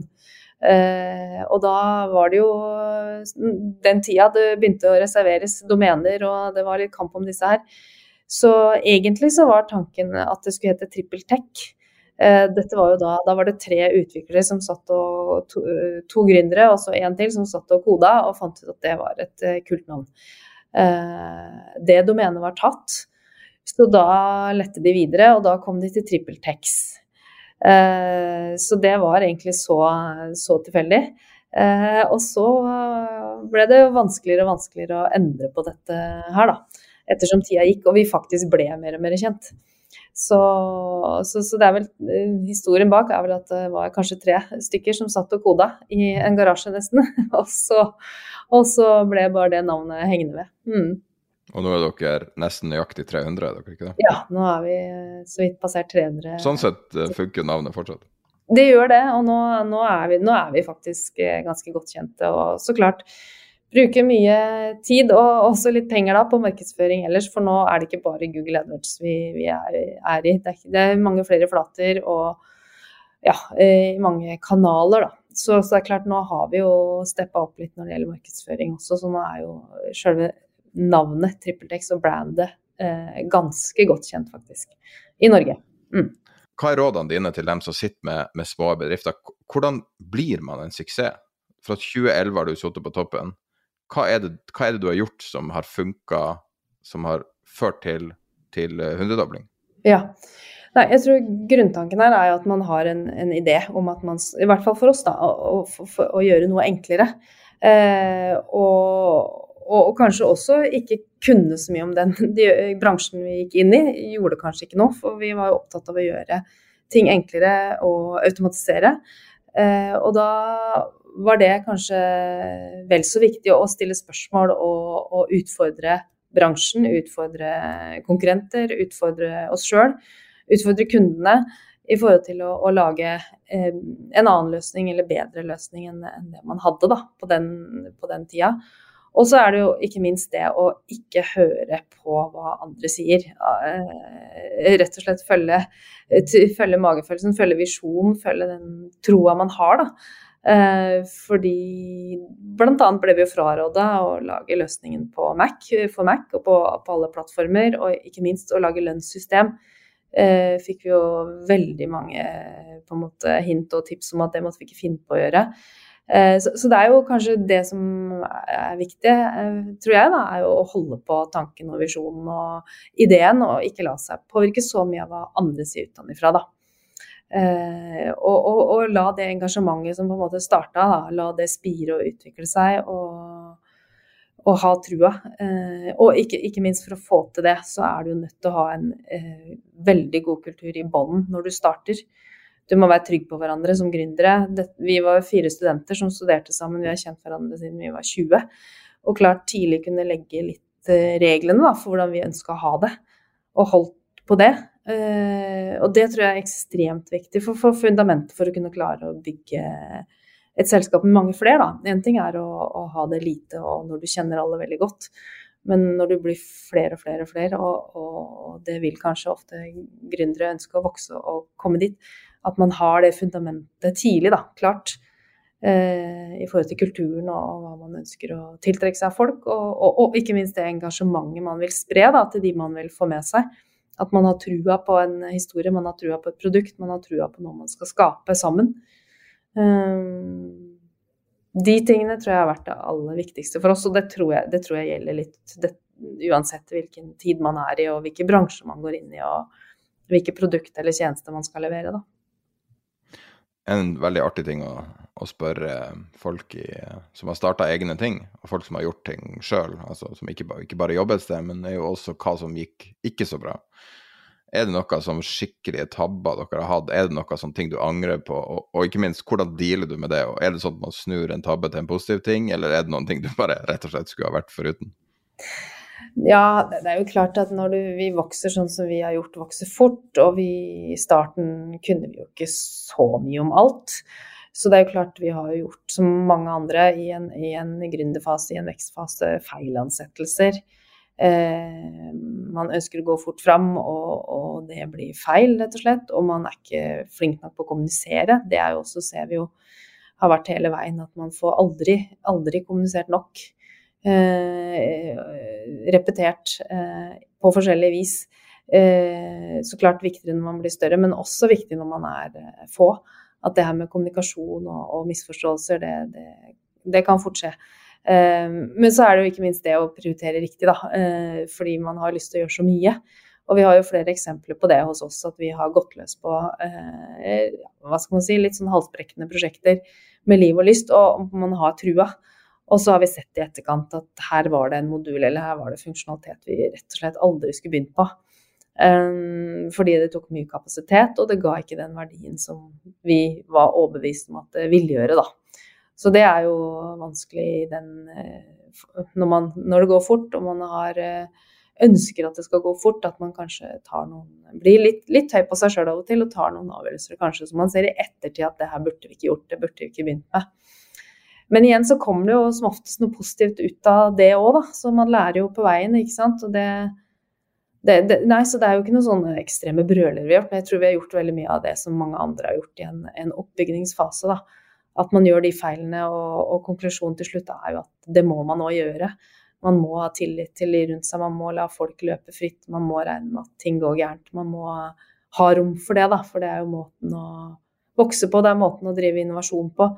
Uh, så alt i alt så, er, så er det har, har, vi på en måte fått noe godt ut av det, sjøl om det har gått gærent. Så har det ikke gått så gærent heller, da. Så det, det, det, det er vel konklusjonen, rett og slett. Dere har jo over 100 000 kunder nå. Mm. Eh, og dere har jo da en helt sånn unik visibilitet inn i næringslivet. Mm. Har du noen uh, ting du kan si om noen kunder? Du trenger ikke noe navngi hvis du ikke kan, men fins det noen historier du kan uh, da? Um, ja, det er jo eh, mange forskjellige historier vi kan dele, men uh, ja, jeg, jeg, kan i hvert fall fortelle litt om eh, Vi jobber jo med mange regnskapsbyråer, og det er veldig viktig for oss. Vi jobber mot sluttkunden direkte. Der var litt sånn det starta med TrippelTex. Og vi har en stor heiagjeng der, men vi har jo også jobba tett med regnskapsførerne eh, og regnskapsbyråene, som er helt avhengig av å ha gode løsninger. Um, og, og, der er det jo og Nylig hadde vi jo nå en, et, et, et, event hvor vi hadde med oss bl.a. et regnskapskontor som, som, virkelig har blitt med oss på denne AI-reisen. AI som så klart alle snakker om, men det å automatisere mest mulig eh, i løsningen. Eh, og faktisk ha med oss en, et regnskapsbyrå som, som eh, sprer det budskapet og formidler dette her. Det er jo en veldig gøy historie den er med å spre det budskapet om at her kan vi automatisere bort mange oppgaver. Uh, og de da som, som kunde eller som, som, partner og samarbeidspartner klarer å snu seg rundt og, og, jobbe sammen med oss som leverandør på den måten, da. Det er jo en veldig fin historie som, som, jeg håper uh, fortsetter, da. Påvirker det deres marginer positivt, da? Er det det som er målet? Og deres, da, selvfølgelig? Ja, og, i hvert fall fokuset her er jo kunden. Hva er best for kunden? Kunden ønsker å, å, å ha, det, ha, det, kjapt og greit, og egentlig ha prosesser og rutiner og, og måten, måter å jobbe på både i, i løsningen og sammen med regnskapsføreren sin på, på, en effektiv måte. Da. og at dette skal skli greit, og at, at om det så hvilke marginer vi snakker om, men i hvert fall at opplevelsen blir bra, både også for regnskapsføreren, at, at mye blir automatisert, gjøres lettere i hverdagen, og at man kan bruke tid på andre ting. At dette byrået f.eks. kan bruke tid på å gi mer råd til en kunde i forhold til eh, hvordan man skal utvikle bedriften sin, og kanskje hvilke IT-systemer den trenger. Eh, og, og, at man på en måte er med på den bølgen sammen med oss, da, som egentlig vi har pusha fra dag én. Hvor det var fra å gå fra å løfte regnskapssystemet sitt fra, et, fra en sånn nedlastbar versjon på, installert på PC-en opp til skyen, som var en, på en måte en, en overgang. Og nå eh, neste fase, neste bølge, hvor det går på at det er på en måte nesten litt en selvfølge at du har en skyløsning, men nå er det det å få automatisert et enda mer og få enda, enda mer effektivitet ut av det, da. Det syns jeg er en veldig bra historie som, som, på en måte en av våre kunder eller partnere da, er, er, med på å bygge. Hva er det som kommer, egentlig? Hva er det som eh, Du nevner AI, og nesten alle bedrifter snakker om AI, men jeg kan tenke meg regnskap er en av de mest optimaliserte bransjene for å automatisere ting. Ja, ikke sant. Og det er jo det, men det er jo Noe går fort, og noe går sakte. Det som går fort, er på en måte det, den, en sånn type kundeassistent uh, inni løsningen. Som vi, som vi, på en måte har ute nå, hvor du kan egentlig i stedet for å sitte og snakke med noen eller, eller chatte direkte med noen, så kan du faktisk få automatisk hjelp veldig fort.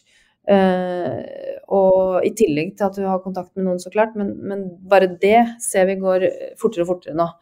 Uh, og det går jo på også at, uh, at vi alle, uh, alle, kan jobbe mer effektivt, rett og slett. Og, og kanskje også på en, en, bedre måte og, mer i tida, og det som forventes nå fra, fra brukerne der ute. Da. Men det som kanskje går litt saktere, er jo, er jo det å på en måte få automatikken inn i selve regnskapsløsningen. Og få, kanskje få um, opparbeide automatiske rapporter Eh, at både kunder og regnskapsfører kan eh, dra nytte av den eh, funksjonen. Da, og, og, kanskje systemet automatisk kan føre bilagene eller føre regnskapet for deg, hvis du tillater det, hvis du stoler på det.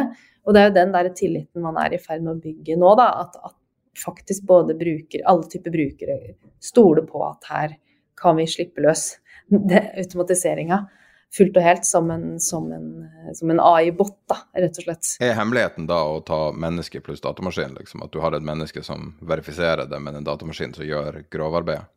Absolutt. Så det er jo det som er eh, også når man bygger opp denne assistenten som skal hjelpe kundene, så sitter man jo ved siden av og passer på å følge med. Og det samme blir jo også inni løsningen, at man eh, verifiserer og, og har ressurser som så klart eh, sikrer at dette blir riktig, da. Men at veldig mye mer eh, kan gjøres av en, eh, av en maskin, rett og slett. Eller av, eh, av AI-teknologien, da. Er du bruker av ditt eget system? Ja, det er jeg. Både på den ene og den andre måten. kan du fortelle litt om hvordan du bruker det, eventuelt bare sånn, bare sånn veldig kort eh, hva, hva, du bruker det til, og hva som er funksjonene du liker? Ja, jeg bruker den jo som daglig leder i TrippelX. Vi bruker jo vårt eget system til å føre regnskap for vårt selskap. Eh, og da er jo inne Det viktigste er å betale regningene, så det er jo det jeg gjør. Eh, men også å føre timer, føre reiser, utlegg. Eh, du gjør det sjøl? Ja, det gjør jeg selv for mine reiser og utlegg, da. Inne i systemet. Og så får jeg det direkte ut på lønnsslippen min sammen med den vanlige lønna, da. Uh, og dette går veldig automatisk via app. Da bruker jeg appen til å gjøre utlegg på reiser. Var ute og reiste nylig og bare førte underveis kvitteringer og, og, alt inn. Og så dukker det opp på lønnsslippen neste lønnskjøring, da. Um, så da er jo som en vanlig bruker, som alle andre i, i, i, hos våre kunder og, og i Triplex også, som en Triplex-ansatt. Uh, og så er jeg også inne så klart da og, og godkjenner ulike utlegg, fakturaer, Eh, har en slags sånn godkjenningsrolle da, på forskjellige nivåer. I tillegg til at jeg eh, betaler ut eh, regninger, en del av de siste, største regningene, i TrippelTex. Så det, er på en måte min rolle i systemet. Og så har vi jo mange andre hos oss som har andre roller. Så det er jo det man gjør her. Man gir tilganger til de ulike rollene i bedriften som, som har sine ansvarsområder da, inni regnskapssystemet. Og alle ansatte har også tilgang da, til, til, løsningen i form av at de fører timer og, og utlegg og reiser av hvis de har det. så sånn syr vi det på en måte sammen. Så egentlig, eh, og det, det er likt oss og andre kunder som jobber hos oss. Noen jobber også på prosjektbasis, vi gjør ikke det så mye. Men mange av våre kunder jobber jo med prosjektverktøy, hvor de da også innfører timer, og det faktureres, og det kjøres lønn på de ansatte der, og alt går rett inn i regnskapet, da. Um, så det, det, er vel hoved, hovedbruken av systemet for en sånn, sånn standard snittbruker, da, tenker jeg. Uh, og så har du regnskapsfører inn i løsningen som gjør sine ting, og så har du revisor også som kan gå inn og gjøre sine kontroller, da. Ja, det jeg jo sett sjøl, og det er jo veldig velfungerende. Men tilbake til tallene deres, som ja. er det mest interessante. Ja. det, systemet er så enkelt, det bare funker. Og det er jo det jeg personlig endorser det. Og, og det, det, er liksom Alt du beskriver er så enkelt, og det er så enkelt og så enkelt. Og, og du kan gjøre også veldig kompliserte ting enkelt. Også, også når du har vanskelige ting, tar du en regnskapsfører, og det er billig. Alt er liksom veldig kostnadsoptimalisert. Men på tross av alt det her, så har dere veldig gode tall. Er det noe hemmelighet bak det? Nei, altså vi, Det var ikke noe hemmelighet, men vi har klart på en måte å bygge et produkt. Det er jo modulbasert, så du kan jo sette sammen det du trenger. Noen trenger veldig lite, da betaler de ganske lite. Og noen trenger veldig mye av løsningen, med mange ansatte. Så da betaler man også per ansatt. Betaler, og i tillegg hvis du har veldig mye bilag, hvis du er f.eks. Eh, bruker veldig mye bank f.eks., eller du har mange utbetalinger, mange innbetalinger, det er store volumer, eh, så betaler man noe mer. Eh, så da er det på en måte en, eh, ja, en type, type, kostnad da, som går både på en fast månedlig kostnad, avhengig av bruker, hvor stor del av løsningen du bruker. Og så er det i tillegg også avhengig av hvor mange ansatte du har på løsningen som brukeren. Og i tillegg også da volumene i forhold til ja, type transaksjoner, da, kan du kalle det. For dette koster jo rundt omkring i de ulike bankene å ja, bruke de motorene da, som håndterer f.eks. elektronisk faktura og den type ting. Så det er nok eh, veldig avhengig av størrelsen på selskapet. Så vi dekker de veldig, veldig små, og så dekker vi store opp til flere hundre ansatte. Ja, Åpenbart, siden dere bruker det sjøl? Ja, absolutt. ja. Så det er nok det som gjør at eh, at vi Ja, vi har på en måte, for å si sånn, lagd et produkt da, som treffer mange i SM, i, i, blant små og mellomstore bedrifter. Treffer veldig bredt i bransjer. Uh, og gjør ja, at vi når veldig mange, da. Uh, og at de kan få betalt det de Eller få kjøpt det de trenger, og betale for det. jeg tror det er nøkkelen her, da. Og så klart et produkt da som er veldig godt og, og som har blitt veldig anerkjent. Det hjelper oss veldig. og og, og, få både kunder på som på en måte skal velge et system sjøl, eller at regnskapsføreren velger system for kunden. Da. Begge, de, begge de kanalene fungerer veldig bra. Og, og, da blir det nok sånne tall eh, etter hvert, rett og slett. Det bygger seg opp. Mm. Avslutningsvis, um dere ser jo som, som, sagt mye, jeg vet ikke hvor mye dere faktisk har visibilitet inn i, om dere har akkumulerte tall på, på innsida, men, men, jeg vil tro at du har en unormalt stor innsikt i økonomien, og, jeg regner med at det du ser er at det går feil vei for mange bedrifter. Det snakkes om at um, det skal komme masse oppsigelser før og etter jul uh, i hundrevis av bedrifter i Norge. og Hva er rådet ditt som sitter etter liksom en så stor suksess? Hvis man ser tilbake og ser framover, hva er rådet ditt til bedrifter for å deale med det som, uh, det som kommer? Ja, Nei, Vi har jo vært med på noen sånne opp- og nedturer, vi også, i, i, fra gründerfase og fram til nå. Vet jo ikke om, om, dette som kommer nå blir heftigere, på en måte, det vet vi jo ikke. Men det er klart vi, er, vi også tenker jo på dette. Men, men, men, som, en, men som, en, bedrift i oppstart, da, så er det jo ekstremt viktig å, ha, å være tett på. Og, og, det vi så hele veien, er jo at vi vi, vi, eh, vi just, har jo alltid vært nøktern, for å si det sånn, når det gjelder eh, eh bruk eh, av penger generelt. Eh, vi har hatt moro. Vi har gjort mye moro, men gjort det på en veldig billig måte. Det skumleste er å dra av og tro at man må ha alle mulige effekter. Eh, man må ha så og så fint kontorlokale, man må ha alt mulig rart på en måte fordi man skal ha det gøy. Men det er vel det viktigste, å, å skrenke ned på det, og, og ikke minst holde igjen på å eh, være nøktern når det gjelder roller, eh, lønninger, eh, at du ansetter kun det du trenger. Um, og, og, at du uh, Hva skal vi si At du er litt i forkant der, da, og holder litt igjen. Og, og, kanskje får inn den nøkternheten som kanskje har blitt litt borte, fordi det har gått bra for mange lenge. Eh, og man få, må få tilbake den nøkternheten også, spesielt når man er i en, en oppstartsfase. Men kanskje det siste jeg ville på en måte skrenka inn på, da, det er jo markedsføringa. For det så vi i hvert fall at det var viktig å liksom fortsette å synes der ute. For man skal jo leve videre og kanskje bli mer kreativ når det gjelder markedsføringa. Det er mye man kan gjøre nå. Det er mange kreative måter man kan gjøre det på. Eh, få inn noen yngre folk, få inn noen studenter, få inn litt hjelp der til å kanskje tenke litt nytt, da. Og, og kanskje ikke bruke, måtte bruke fullt så mye penger på f.eks. markedsføring, men i hvert fall ikke stoppe det, da. Um, det ville jeg ha tenkt på. Men kanskje stoppe veldig mye av det andre. Uh, sitter du med og skal utvikle et produkt, så ville jeg i hvert fall ikke stoppa på utviklerne, for å si det sånn, og teknologi og AI, men kanskje hatt fokus på det. Uh, for det er jo, det er jo framtida, å tenke teknologi i hvert fall. Og kanskje skrenke inn på det andre, og, og være kreativ på markedsføringa. Tusen takk for eh, de gode rådene eh, på, på vegne av eh, lytterne. Og tusen takk for et veldig interessant intervju. Takk, det samme.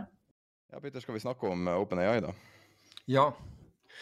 Ja, og jeg vet at du har vært på, på den saken, så educate me. Ja, jeg vet ikke. Vet, vet du noe om strukturen i OpenAI, hvordan de er strukturert? Nei, det vet jeg ikke. Ikke annet enn at Altså, jeg har jo sett nyheten, men jeg, jeg kjenner ikke strukturen, nei. Så OpenAI ble jo stifta, var jo en uh, non-profit opprinnelig, en mm. stiftelse. Og uh, de hadde jo veldig sånn uh, fluffy mål, og i starten var jo det her helt uvesentlig. Fikk midler fra masse forskjellige folk. om selskaper og privatpersoner og mye forskjellig. Og tanken var da at man ville ikke at ett selskap skulle eie kunstig intelligens hvis man kom til det nivået at det var som et menneske, så, såkalt AGI. Augmented General Artificial General Intelligence. Og det var visjonen, det var vel 2015, tror jeg. Og eh, så ble det der noen profiter, og så hadde de da eh, det gjennombruddet der en mellomleder mer eller mindre på kvelden bare tok avgjørelsen og sa vi må lansere en chat-versjon av det her, vi må vise det fram. Fram til da hadde jo ikke OpenAI visst noe som helst. Og så kommer de ut med ChatGPT for nesten nøyaktig ett år siden, og forandra virkelig verden eh, over natta nesten bokstavelig talt forandra verden over natta, og alle vet jo hvordan det har vært. Problemet var jo at det var strukturert som en non-profit. Og det her er jo en av de mest kostbare tingene man kan drive med. Så for å kunne tiltrekke seg kapital, så måtte de gjøre noe med strukturen. Så de lagde en sånn innfløkt, veldig sånn her pile fram og tilbake. Men i praksis så lagde de da Altså styret kom fra stiftelsebiten, det visjonære, eller dem som hadde tiltrukket seg veldig sånn akademisk utgangspunkt. Og så hadde du da det kommersielle leddet som Microsoft investerte rett i. Veldig uvanlig struktur. Vanskelig å egentlig forstå det. Og folk aksepterte det med litt sånn murring. Og alle likte OpenAI, og det var vel og bra. Og Microsoft var jo liksom og backa det, og, og, du så de brente penger fort og alt det der. Og så eh, kommer da i helga der det var en tydelig, klar uenighet med visjonen. Det virker å være, hvis man skal bare prøve å lese litt Tidlivsen, så virker det å være Uh, han som heter Ilja, uh, var um, tok um, uh, mer eller mindre et valg. altså Det, det var jo gjort veldig sånn omtrentlig mens de er inne i en enorm finansieringsrunde. En av de største WC-rundene noensinne i historien. Så bestemmer da han karen seg for å overtale styret om at Jeg skulle si Sam Bankman-Fried. Sam Altman. Mm tilsynelatende at liksom, han er for nært Microsoft. Det var jo veldig tydelig på en presentasjon Microsoft hadde, og når Microsoft var på deres egen uh, DevDay for litt over en uke siden, så var det veldig tydelig hvor tett bånd det er mellom Microsoft. og Det virker som at det var liksom et sånt forsøk Nå skal vi stoppe det her, nå skal vi liksom dra i bremsa, fordi at det er bare go, go, go. Og tilsynelatende var det her knytta til det man kaller den GPT-butikken. Um, så her møter liksom idealisme kapitalisme. De er jo i ferd med å raise penger for en verdsettelse av 86 milliarder dollar. Og uh, det er jo helt essensielt for dem, fordi at kostnadene er helt astronomiske. Ja. Det her er jo så langt fra profitabelt som noe kan være, omtrent. Og, og, så blir han da sparka på Jeg tror det var på en chat, på en sånn uh, Teams-chat eller et eller annet sånt. Og så går uh, hans NK øyeblikkelig. Styret oppdager omtrent 24 timer senere at det her kommer selvfølgelig til å føre at, at de ikke klarer å hente inn penger. Vil vi, altså det er det folk antar. desperat prøver å hente han tilbake igjen. Og han møter opp med sånn gjestebracelet rundt at nå er han gjest i sitt eget firma. liksom. Og så, uh, og så kommer da Satya fra altså sjefen i eh Alltid så usikker på å uttale riktig. Satya Nadella, som er sjefen i, i Microsoft, som har veldig, veldig godt rykte for tida, kommer inn og tilbyr han en, en jobb der han har mer eller mindre en hel divisjon for seg sjøl, sikkert helt fenomenal lønn og aksjer og gud vet hva. Og så sitter OpenAI der, og så velger de en sjef som fram til nå har vært sjefen i Twitch, som er et relativt lite firma som er eid av, av, av Amazon. Og der han har veldig dårlig rykte for å nettopp tjene penger. og mm. han kommer fra det samme type miljøet som mange av de jeg kommer fra, som er Y Combinator, som er en sånn WC-fabrikk. Ja. Og nettopp det at han har rykte på seg for å ikke greie å kommersialisere den store suksessen Twitch, er jo et veldig dårlig Og når, når du ser det her, så begynner du å se på styret. ikke sant? Det her er så amatørmessig. Det er selskapet som prøvde å verdsette seg sjøl til 86 milliarder dollar, virker å være drevet som en liten sånn studentkafé, liksom. Altså styret bare noen ansatte, og så, og så, helt sånn tilfeldige folk som kona til han, en skuespiller som eh, jeg husker ikke hva han het, han spilte i Inception, liksom. Bare en helt sånn tilfeldig person der, og så en tilfeldig Han som starta Cora, et sånn moderat, interessant uh, firma, liksom. Men det, det er sånn typisk sånn Y Combinator-folk, sånne folk som liker å snakke og holde foredrag og sånn, men det her er ikke hardcore businessfolk på noen vis. Mm. Og det er det du trenger når du skal operere i de her størrelsene. da. Så ja, sitter de der plutselig der, ja. Så sitter de plutselig her nå, og så har Microsoft kuppa hele forbanna tingen. Det er, jo bare, det er jo bare en slam dunk. Og det er jo det de sier, de, de smarte folkene sier jo at, at, AI handler om de store spillerne, ikke de her nye, nye firmaene. De kommer aldri til å klare seg. Og jeg tror vi kan nesten inkludere OpenAI i det også. Wow, wow. Så er det ingen vei tilbake fra dette her, eller? Altså, er det Har man liksom skutt seg selv Han er jo ansatt i Microsoft nå. Ja, jeg forsto det. Men, altså, men dette er jo et voldsomt tap for OpenAI, da. Altså på, på, på mange måter. Altså på Eller på mange fronter, mener jeg. Altså det er jo interessant hvis de har klart å altså Dette må jo være bl.a. bra for, for, Elon Musk, da, som prøver å komme opp med en, en konkurrent. Uh, jeg vet ikke om det er bra eller dårlig, um, fordi at det her er jo en money loser, da, Altså, du må huske det. Foreløpig i hvert fall, ja. Men det er ikke en money loser for Altså det er jo bare to-tre aktører. Du har den store, store, store seierherren foreløpig er jo Microsoft. Mm. Og så har du Amazon-ish og Google-ish, men altså begge to har jo så redusert troverdighet. Jeg vil si at Facebook og Meta er kanskje andre, på andreplass egentlig. De virker å ha skjønt det mer. Altså det er, jeg, jeg, må si at jeg har gjort en, en 180 på AI helt i det siste. Jeg tenker på hvor mange ganger jeg har prøvd å bruke det i forskjellige caser og bare finne ut at uh, enten er det trivielt det som kommer ut, sånn at det har så lav verdi at kunne like gjerne bare gjort det sjøl. Eller så klarer det ikke helt å løse det riktig. Eller så er kostnadene sånn at du, det her kan jeg bare dedikere en eh, ettermiddag eller en hel dag til, og så, og så løser jeg det. Og så ja, å sitte og svi av titalls tusen på å kjøre det gjennom og automatisere det, det er det bare ikke verdt. Ok. Hm. Ulf Sverdrup, eh, tidligere NUPI, jeg er ikke sikker på hva, hva, han gjør i øyeblikket. Han har jo en, et innlegg i DN i dag bl.a. hvor han viser til eh, eh, hvor han hadde gitt eh, det var ikke ChatGPT, det var en annen. Uh, er det Baird? Kan det være det? Bard, sorry. Uh, uh, oppgaven, og, og, den hallusinerte og, fullstendig. Men noen dager etterpå så hadde den tatt seg inn. Men, men han, det, altså dette er jo i, i, forbindelse med både feilinformasjon og, og, ikke minst det som foregår i verden i dag, ikke sant, med med alt fra konspirasjoner til at du aner ikke. Altså ta, ta krigen i Gaza i øyeblikket hvor, hvor du ikke aner hva som, er, øh, hva som er korrekt informasjon. Altså du ser destruksjonen, det er ikke det jeg sier, men du aner ikke uh, altså, Det er påstander om alt mulig rart hele tiden, uh, og du vet ikke hva du skal tro på. Og, og desinformasjon brukes aktivt, sikkert av begge parter. Men, uh, men han nevner et, et, eksempel der, og det er, liksom, det er velformulert og det er velbegrunnet og hele greia, men det er totalt hallusinering. Men det er liksom Det er på en måte feil problemstilling. Det blir som å si at, at, uh, at jeg prøvde å få kalkulatoren min til å løse hele tentamen min, og så fikk jeg ikke riktig svar. Kalkulatoren er verdiløs. Det er veldig vanlig å snakke om hallusinering og si herregud, hvorfor er det ikke perfekt? Hvorfor kan ikke denne datamaskinen bare replisere et menneske?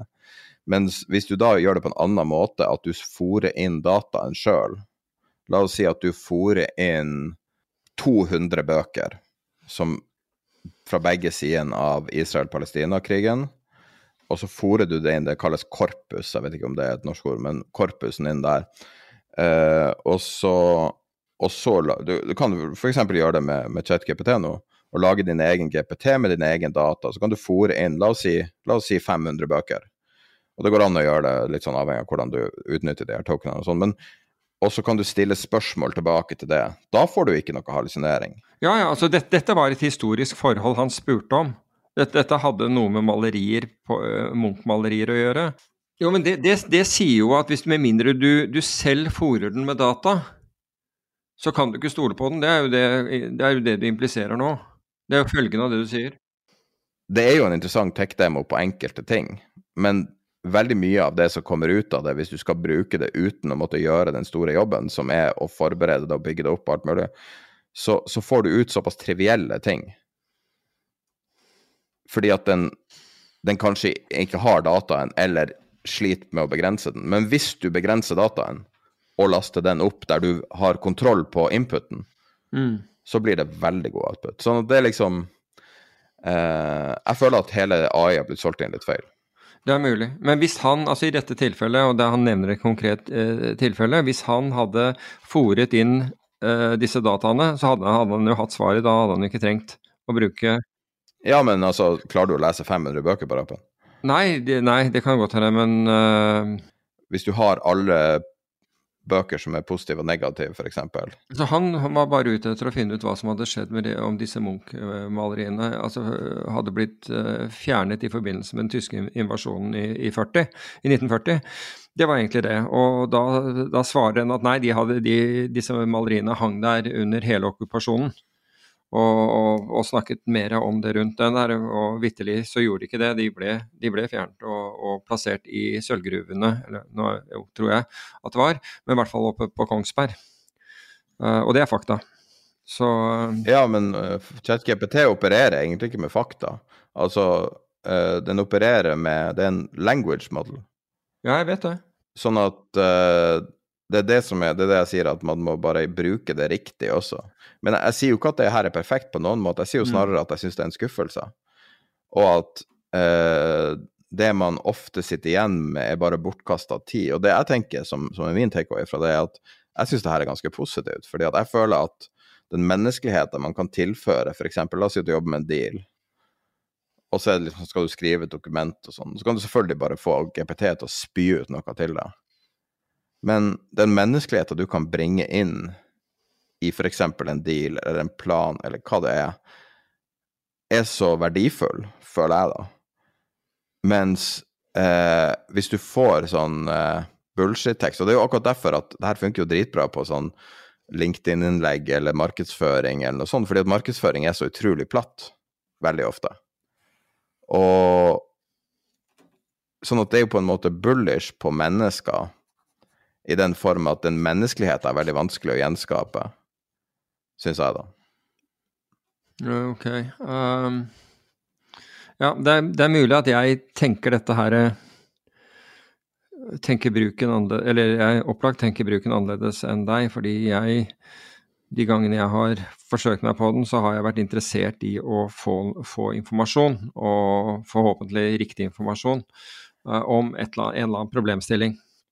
Korpus er for øvrig latin, du, du, spurte om det var et norsk uttrykk. Men det, Kan være at det brukes på norsk, men det er, det er definitivt latin. Men bare si datasettet, da, hvis det er vanskelig. Ja. Men, um, nei, men altså, det, det er veldig spennende teknologi, men samtidig, så når folk snakker om jordas undergang og AGI og sånn, hva, jeg ser ikke noe nærheten av Mm. AGI i det her. At det her er liksom sånn Terminator 3.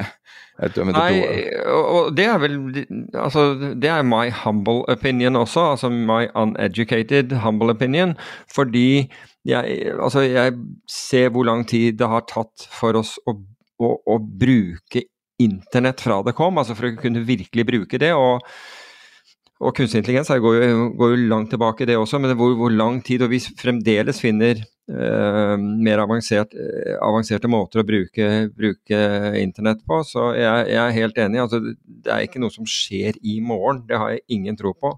Men det sagt, så var det jo positivt å lese i forrige uke at man, at man eh, klarer å predikere været ved hjelp av AI eh, bedre enn meteorologer, eller for første gang.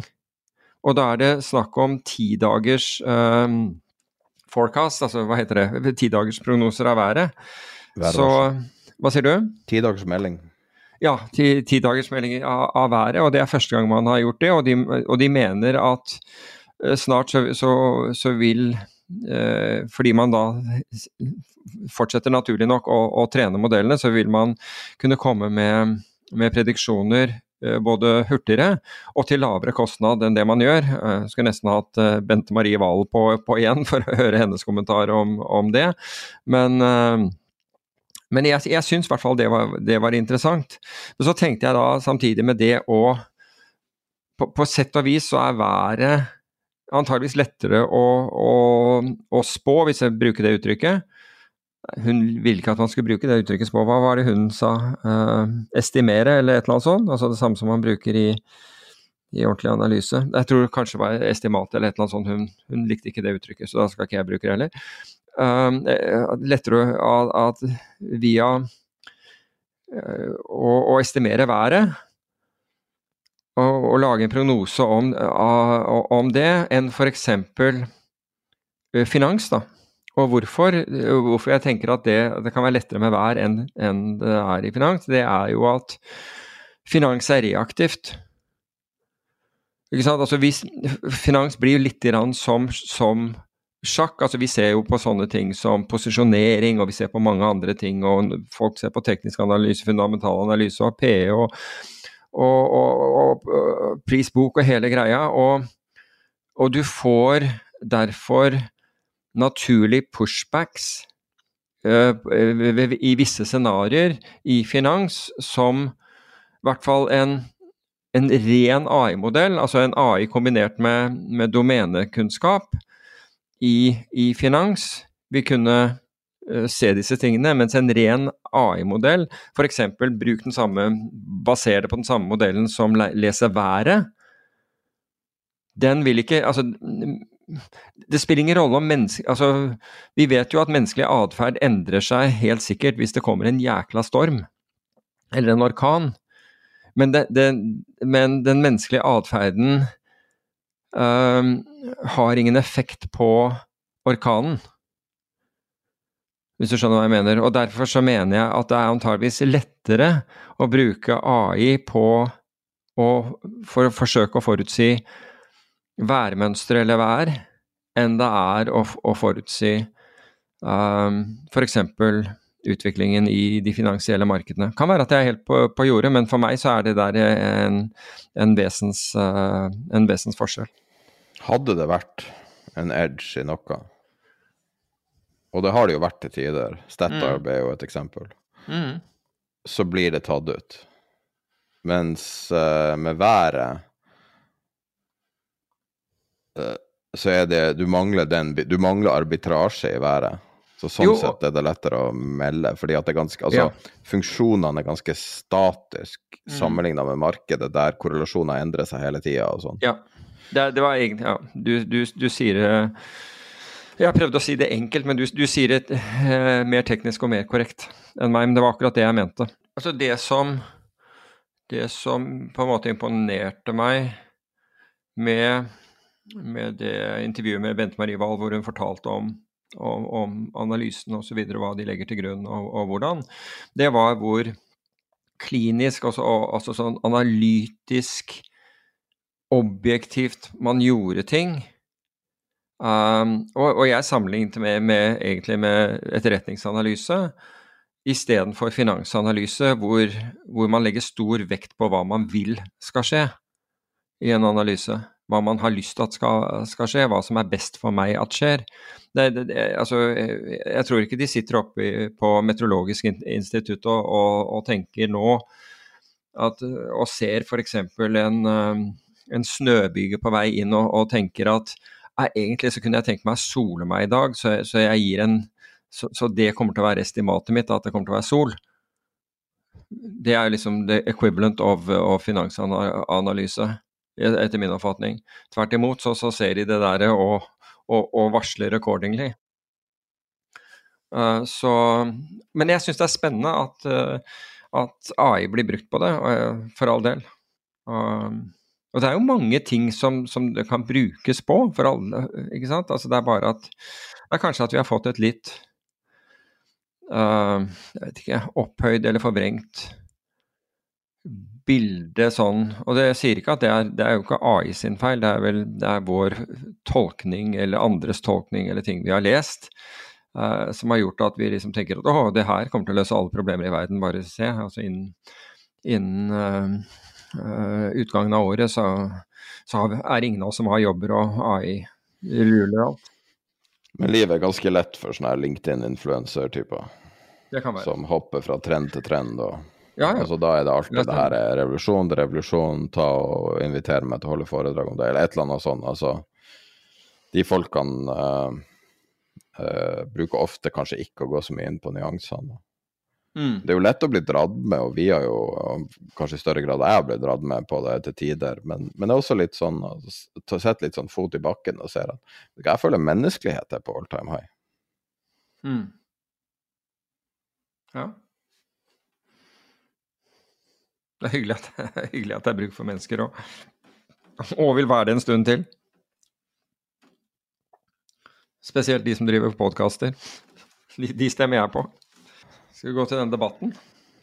Som, Debatt. Eh, ja, den vi har hatt de, de to siste gangene om dette eh, rettede kontra fortrinnsrettede Er ikke det sagt det meste som jeg har å si om det? Nei, det, altså, det er jo det altså, Jeg hadde gått glipp av og altså, mot, Det er jo motargumenter, da.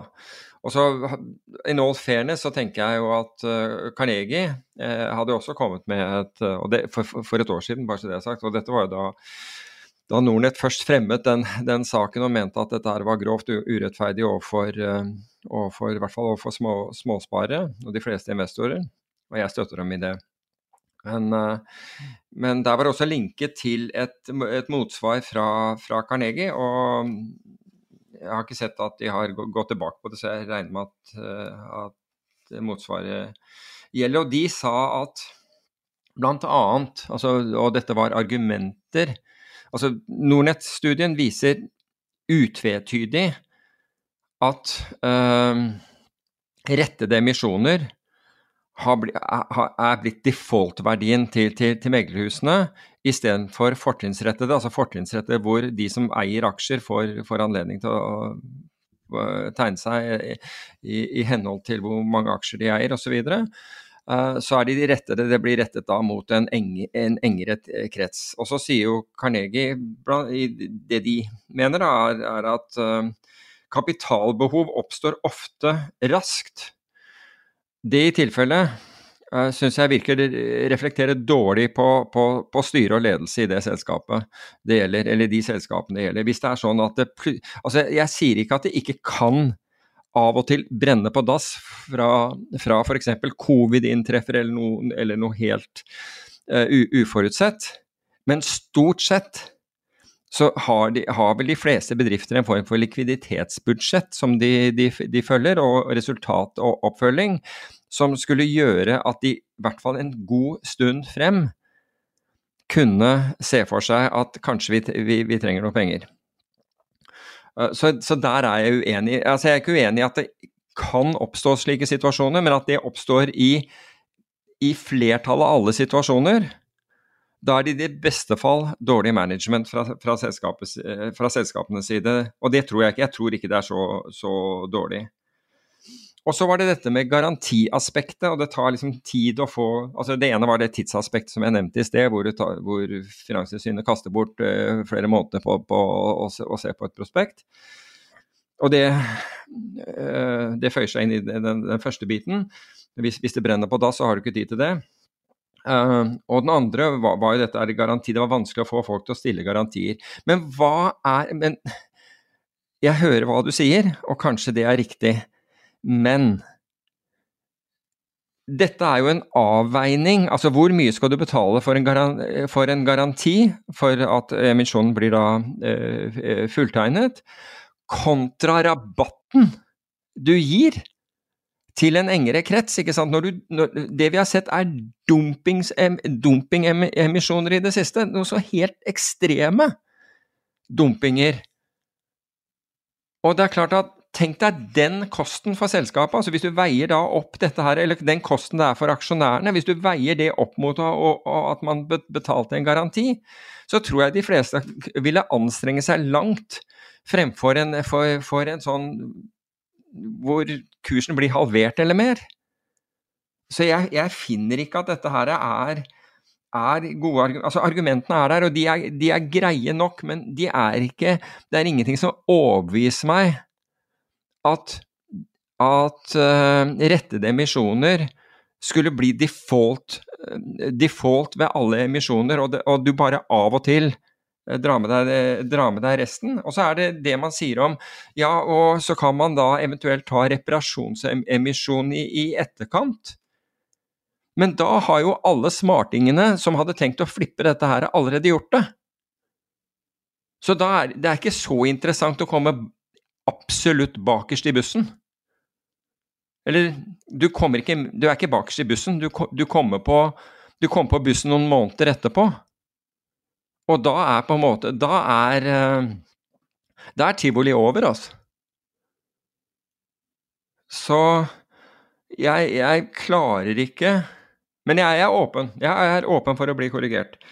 Jeg klarer ikke å se noe annet enn at måten man gjør dette på, er å ta gamle eh, eh, altså gamle aksjonærer og kaste dem under bussen. De eksisterende aksjonærene og kaste dem under bussen. Og den der hastverket, hvem er det som virkelig har hastverk her? Er det, er det, da meglerhus og rådgivere som har hastverk med å få honorarene sine, slik at de kan kjøre en ny emisjon for et nytt selskap? Eller er det selskapet? Så her syns jeg at det er, er et sånt tilfelle av, uh, av hvor man foretrekker, eh, favoriserer den ene part ganske kraftig, mener jeg da. Men det er en påstand, bare så det er sagt. Men det er et økonomisk insentiv, tydelig økonomisk insentiv, til å favorisere den ene part fremfor den andre. Altså med andre ord, den, den, det er eh, La oss kjøre på en, en modell som får inn penga så fort som mulig. Penger på konto er mye bedre enn eh, enn en fuglene på taket. Uh, litt omskrevet. Så um, jeg vil jo si at dette her er jo er nærmest en interessekonflikt uh, man står i. Det var rart å ikke kunne kalle det en interessekonflikt. og så er det hvordan om man håndterer den på, på, på riktig måte. Så, men nå føler jeg at vi har, uh, at vi har behandlet dette her så fra, fra, begge, fra begge sider og, og, og, tatt med argumentene. Så jeg føler liksom at vi har, vi har gjort vårt i, i, i, uh, i, denne saken. For øvrig så syns jeg det var, uh, var uh, fint at Vedum nå har gått ut og sagt at de som hevdet at det ville være liten prissmitte fra utlandet ved, når man tok i bruk Når man la nye kabler og tok i bruk disse, tok feil. Det er herlig å høre. Jo, det var ordentlig herlig å, å høre. Du har respekt av folk som bare sier 'vi tok feil'. Ja, tok feil. de tok feil. Beste uh, Vedum har gjort, nesten. ja, Det, ja, det var nesten så jeg begynte å like fyren. Um, Nei, jeg mener det. Altså, faen, Hvis folk har bare sagt det oftere, vi tar feil. Ja, Jeg tar feil hele tida. Jeg vet ikke hva jeg driver med. Jeg får mitt beste. Mens andre hevder at nei, nei, det er ikke det i det hele tatt. ikke sant? Fortsetter å være på den der av, av politikerne som tok avgjørelsen, så sier han at det var feil. Og det skjønner alle, enten som har litt peiling på tilbud etterspørsel, altså litt peiling på økonomi, eller har vært borti logikk. De skjønner at det er feil. PR-bransjen hadde gått konkurs hvis folk begynte å bare innrømme feil. PR-bransjen, Ja. ja det, ja, det er godt mulig. PR-bransjen hadde Ja, det, det hadde jeg ikke tvilt Ja, du sier noe. Du sier noe. Så um, Men dem om det. Det var jo Jeg tror jeg har sagt det før i podkast, men det er min favoritthistorie om Bill Clinton. Når han eh, skulle stille som eh, president, eh, så var han i sørstatene, og, og han var ikke så kjent da i 92, 91-92. Eh, og så han, uh, gikk han inn i ei sånn helt svart kirke, bare damer. Og de satt med armene i kors. Og bare 'Det her fyren liker han ikke', liksom. Altså Her skal en hvit mann komme og fortelle oss hva vi skal gjøre. og og bare var så skeptisk når han kommer inn. Litt sånn ung og si, ivrig type, liksom. Og så starta han, uh, starta han innlegget og sier liksom bare Jeg har gjort alle feil man kan gjøre i livet. Jeg har, jeg har gjort så mange feil, og, og jeg prøver å lære, og det er vanskelig, men jeg kommer til å fighte for dere, og jeg kommer til å lære av mine feil, og jeg kommer til å jobbe. Og de, det, det, det ble rapportert at de gikk helt amok, de forelska seg sånn i han. Fordi han innrømte at han var, han var feilbarlig. Og jeg tror det er litt nøkkelen til, til den der verden. Bare innrøm feil, det gjør ingenting. Mm. Men hvis du skal prøve å være perfekt, da kan du aldri gjøre feil. Nei, godt poeng. Total digresjon. Total digresjon. Ellers, eh, altså Nei, det er jo ikke Det er relatert til kraft, da. Eller det er ja, relatert til energi. Jeg, eh, jeg var på en presentasjon i, eh, i, i forrige uke av et, eh, av et fond. Det er, eh, det er klassifisert som et hedgefond, altså, så det er eh, qualified eh, investors only eh, som kan være investert i det, som, eh, som, eh, som eh, handler med, med CO2. Og der lærte jeg eh, en del. altså Jeg har jo eh, vært borti CO2-handel selv, så vidt det er, men jeg ante ikke at det fantes Visste du at det finnes fem eh, regioner for dette? Altså fem steder hvor, hvor dette her prissettes i, i, i verden? Nei, jeg hadde ikke peiling selv også, men, så all sånn, all, alle sånne ting er Nyheter er, er verdt å ta med seg. Altså du har da EU, altså som er et av de stedene, og det som, det som handler på Ice, hvor du har, har Future. Så har du California. Eh, Så har du, så har du det som heter eh, RGGI, som er en haug, altså Reggie, som er en haug med, med amerikanske stater som, som driver og, og handler i dette. Eh, Du må nesten google det, fordi det er, det er så mange. Det var, det var eh, helt håpløst mange, mange stater. New Hampshire var blant dem, jeg tror New York, eh, New Jersey osv. Så, videre. så har du Storbritannia. Og så har du, eh, har du New Zealand. Så alle disse her har forskjellige markeder. Og ikke bare det, men når du ser på karbon, altså CO2-utviklingen, eh, altså på disse sertifikatene i de forskjellige markedene, og da var EU var liksom, de var ned 6,4% på året. California var opp 26,6.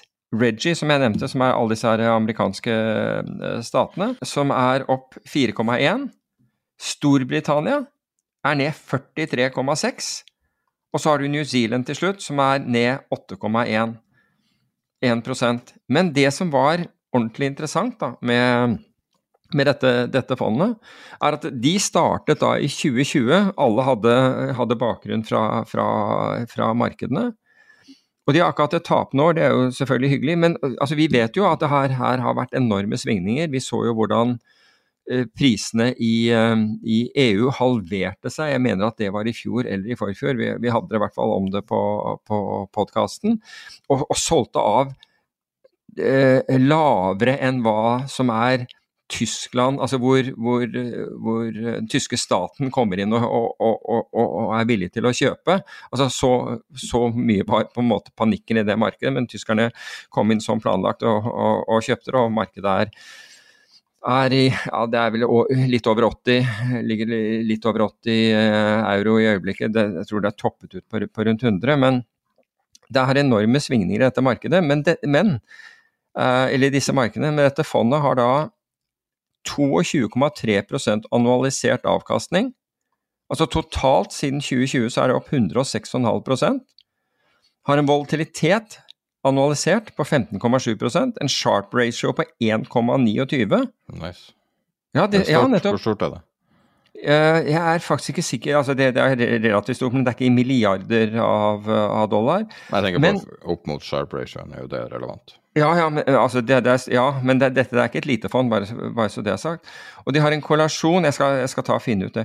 Uh, kollasjon vis-à-vis um, vis uh, altså Man har sett på aksjer, råvarer og alt mulig som er mindre enn 10% Så jeg syns liksom altså Disse fondsegenskapene Dette er jo sikkert et fond du aldri vil få presentert av noen i, uh, her i landet.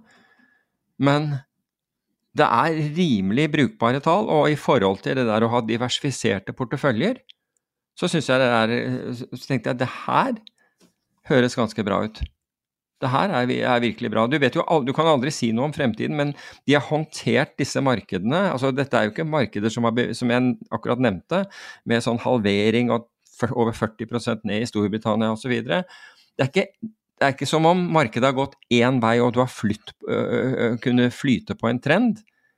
Disse folkene har klart å navigere dette her. og det er, altså Dette er jo selvfølgelig et registrert og, og Hva heter det for noe?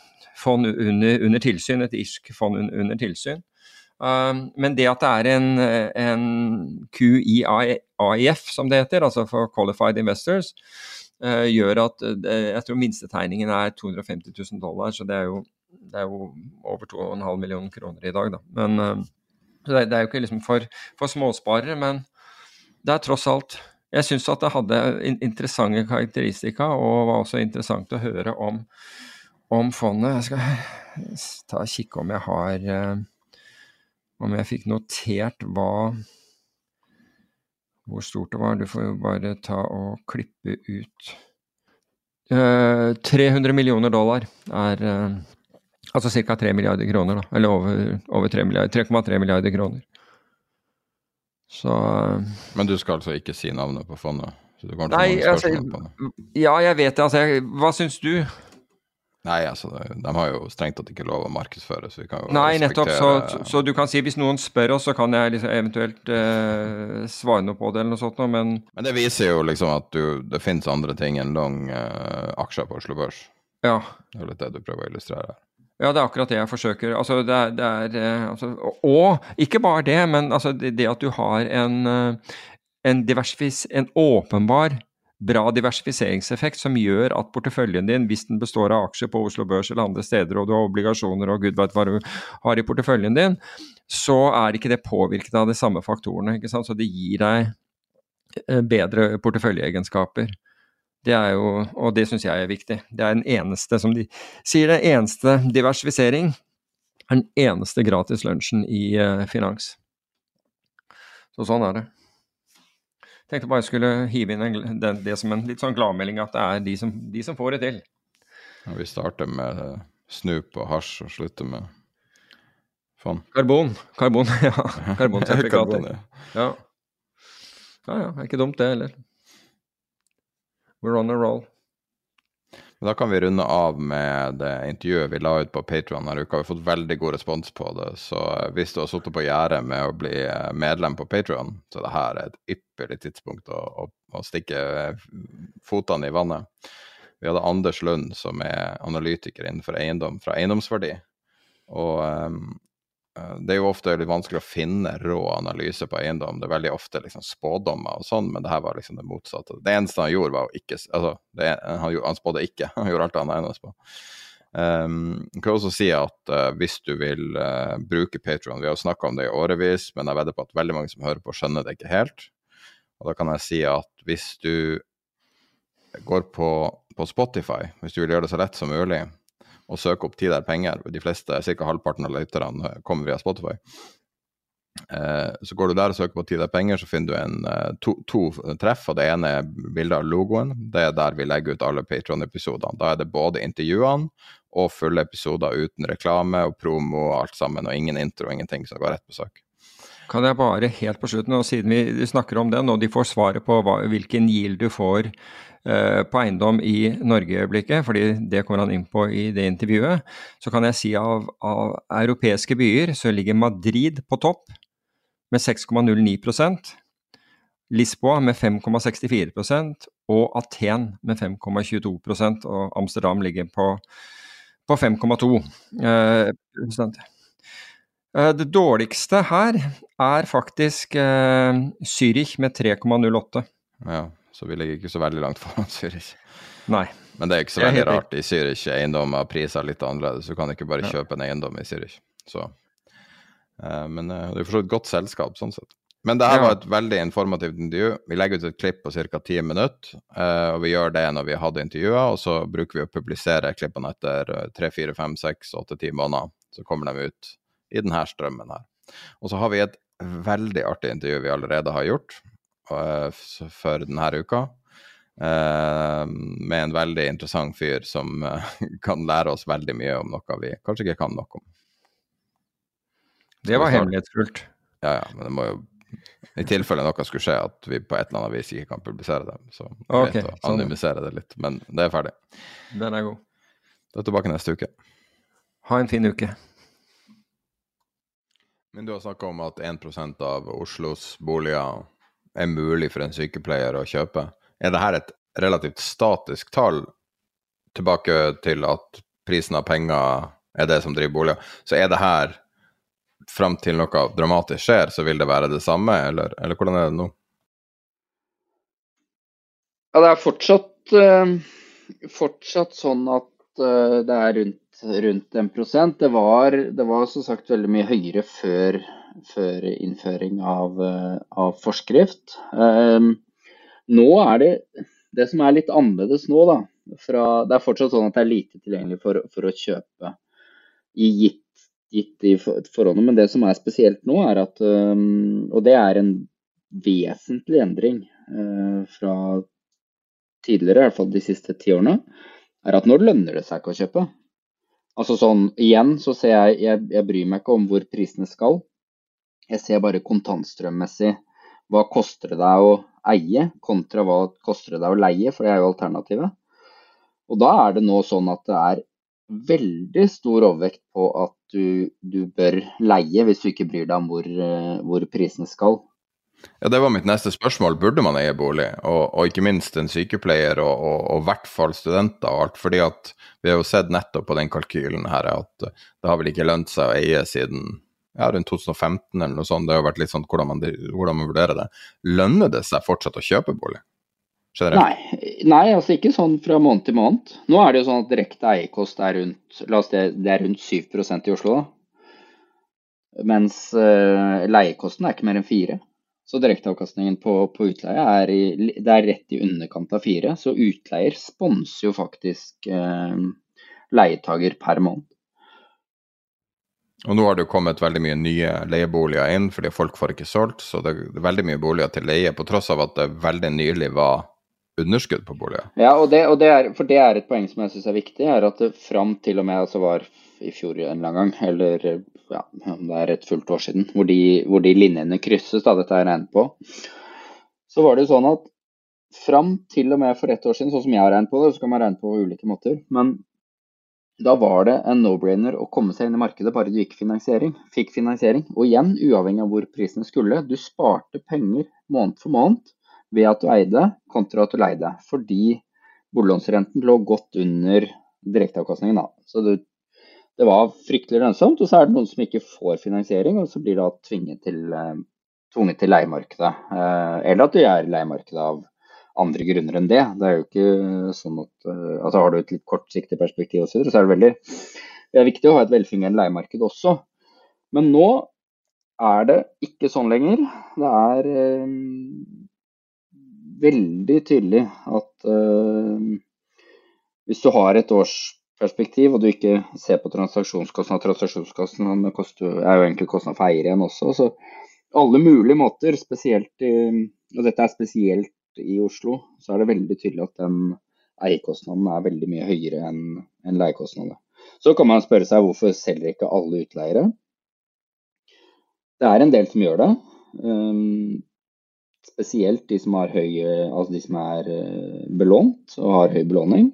For de blør i kontantstrøm hver, hver eneste måned. Så det kan du diskutere da, hvis man, hvis man tror på at det, for det, altså Hele driveren her, grunnen til at eierkosten har kommet så mye opp, er fordi rentene har kommet mye opp. Så et spørsmål det man da må spørre seg, er om tror man at den renten skal være høy lenge, eller skal den rett ned igjen? For hvis den skal rett ned igjen, så er det jo helt fint å, å sitte, igjen, altså sitte gjennom, da. Man har råd til det. Leieprisene er jo på full fart oppover. Jeg tror det er også drevet veldig av at det er såpass lønnsomt å leie nå, eh, pluss at det er ulønnsomt å, å eie. Det blir færre leieobjekter. Jeg hørte så også den analysen som du refererer til. Og ja, jeg tror det er en del som, um, som forsøker å leie ut. Men det som er også forskjell fra før, da, i forhold til de usolgte boligene som er der. Vi har sett fulgt med det over tid. Det har jo tidligere også vært en del usolgte boliger i markedet. Bl.a. Um, rett før, altså I begynnelsen av covid så var det også ganske trått marked. Men også flere, flere episoder vi har sett det. Da har de boligene bare forsvunnet til leiemarkedet. Og så har egentlig alle vært happy med det, fordi du har hatt høyere leieinntekter enn det som har vært kostnaden på boligene. dine. Det er jo heller ikke tilfellet nå. Så om du får leid ut, så er det jo fortsatt sånn at du da blør på kontantstrømmen din eh, måned for måned. Altså, så er jeg ikke sikker på om banken er like happy med at, uh, at det blir uh, At du bare kan gå i leiemarkedet, for det, det koster deg penger. Og da kommer vi til et spørsmål. Du nevner et forholdstall som er veldig interessant her. fordi at nå ser vi at boligprisene er nesten uendra, relativt sett litt ned, kanskje. Eh, det publiseres eh, en eh, prisoversikt hver måned av Eiendom Norge. Og det vi ser da, er at det, at det er definitivt en, en legg i markedet. Og eh, en indikasjon på det kan være at det er de beste objektene som blir solgt nå, men de fleste får rett og slett ikke solgt. Og det er det jo masse anekdotiske eh, historier om i avisene, at folk ligger ute i seks måneder og ingen visninger. Ingen kom på visning, ingen byr, ingenting. Bare skambud. Og da er spørsmålet, hvis du tar da den, um, den diffen på uh, som du snakker om med leie og, og kjøp, uh, hvor er boligprisene akkurat nå egentlig? Eh, det er også et spørsmål vi får ofte. Eh, og det er, det er vi som regner ut de tallene til Eiendom Norge. Det som er veldig viktig å ha med seg her, er at vi ønsker jo bare å måle de prisene som faktisk har en transaksjon. Fordi det er ikke sånn at en villig kjøper skal ha trumf på hvor prisen skal være. For at det skal være en markedspris, så skal det være en villig kjøper og en villig selger. Men det leiemarkedet er jo en transaksjon, så der har du jo en proxy. Så det er jo veldig interessant at du har den dataen. For da kan du si litt om hva å bo er verdt, på en måte. Det kan du si. Um, absolutt. Men samtidig så kjøper altså det, blir jo, det er jo fortsatt uh, veldig bra med volumer faktisk i bruktmarkedet. Det er bare at det er lagt ut litt flere. Um, men det selges, det selges, ganske bra, altså. Det er klart Veldig mye av den etterspørselen som nå ikke finnes i nytt, har flyttet seg til brukt. For Hvis du ser aggregert, så blir det omsatt ikke så langt unna normale nivåer i, eh, i bruktmarkedet. Så mm, jeg, jeg vil argumentere mot det og si at uh, markedet er der markedet er. Uh, men det er, det er, alltid Jeg kan forlenge det litt. Grann, det, det, er alltid sånn at For å være med deg litt. Grann, det er alltid sånn at hvis du har dårlig tid i et tregere marked, så koster det deg mer. Altså Da må du lenger ned i pris. da. Det er jeg enig i. Altså Ideen med den tankesettet er da at eh, hvor ligger equilibriumprisen nå? Eh, ja. vi, har en, eh, vi har en sånn finanschat uh, knytta til podkasten som har en jeg vet ikke om det er 8000 folk som er der, eller noe sånt, og veldig aktiv uh, innenfor eiendom. Utrolig høy kvalitet på diskusjonen. Eh, veldig lite snakk om pris og veldig mye snakk om alle de her indikatorene rundt. og Veldig mye smarte folk der. og Det har vært diskutert litt hvor ligger boligprisene egentlig.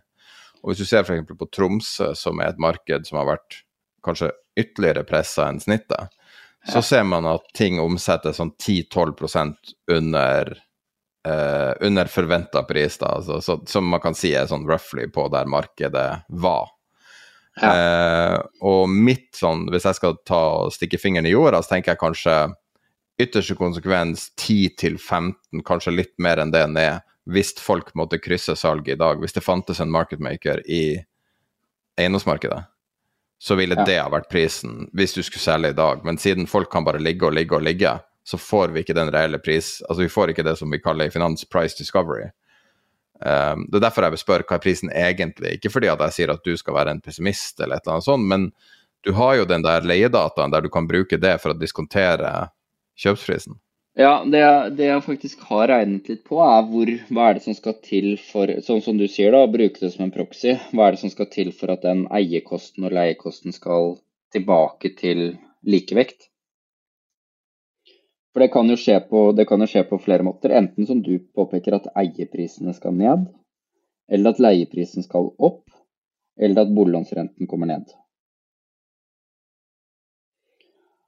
Og hvis det skal, eh, hvis det skal utligne sånn helt isolert Det vil jo ikke skje, at det bare er én av de som beveger seg. Men jeg mener at vi hadde noe sånt som at Jeg skal ta det bare fra husken. Så er det sånn at leieprisene skulle opp altså rett under 40% eller noe sånt. Eller eieprisene ned eh, 30. Eh, gitt, altså da holder du de andre tingene konstant, så det, det, tror jeg ikke, det tror jeg ikke helt på. Eh, så en kombinasjon av det, så Da må jeg sjekke hva vi hadde i de tallene. Men jeg, jeg tror hvis vi fulgte rentebanen til Norges Bank, da, så mener jeg at det var noe sånt som at leieprisene opp en 20 og eieprisene ned noe 10 eller noe sånt. 10-15. Det høres ganske riktig ut. Det var liksom det, og ikke sant, Jeg prøver ikke å få deg til å komme med estimater. Det er litt sånn kjedelig med sånt folk skal gjette om eiendomspris, men du sitter faktisk på litt mer differensiert. Nei, det, det, er ikke å gjette på Det en intelligent guess du kommer med, da. Ja, men er, det er ikke en guess engang. For det er bare at jeg, min påstand på akkurat dette her er bare at eiepris og leiepris skal over tid gå sammen. Så det er bare at eh, hvis, hvis den, eh, sånn som det er nå, da, at eieprisen er såpass mye høyere altså Da ser jeg ikke eieprisen i kroner og øre, det er igjen det er kontantstrøm altså, som vi bruker i eiendom. Du har yield, og du har en eierkost. Og hvis den yielden er lavere enn en, uh, eierkosten din, så taper du penger. Og så er det, som nevnte litt, var inne på det innledningsvis i stad også, at uh, spesielt de som er høyt belånt, vil jo da selvfølgelig tape penger på kontantstrømmen sin. De som ikke er belånt, de vil bare ha en dårlig avkastning på egenkapitalen sin. Så det er ikke sikkert at alle regner på det sånn, at de, at de taper penger. Men de, i realiteten så kan de selge den eiendommen og så putte de pengene i obligasjoner. Og få en bedre avkastning i dag enn du får på eiendommen. Så du har, du har alltid en alternativ kost på den investeringen. Så min påstand er bare at de to skal sammen igjen på en eller annen måte.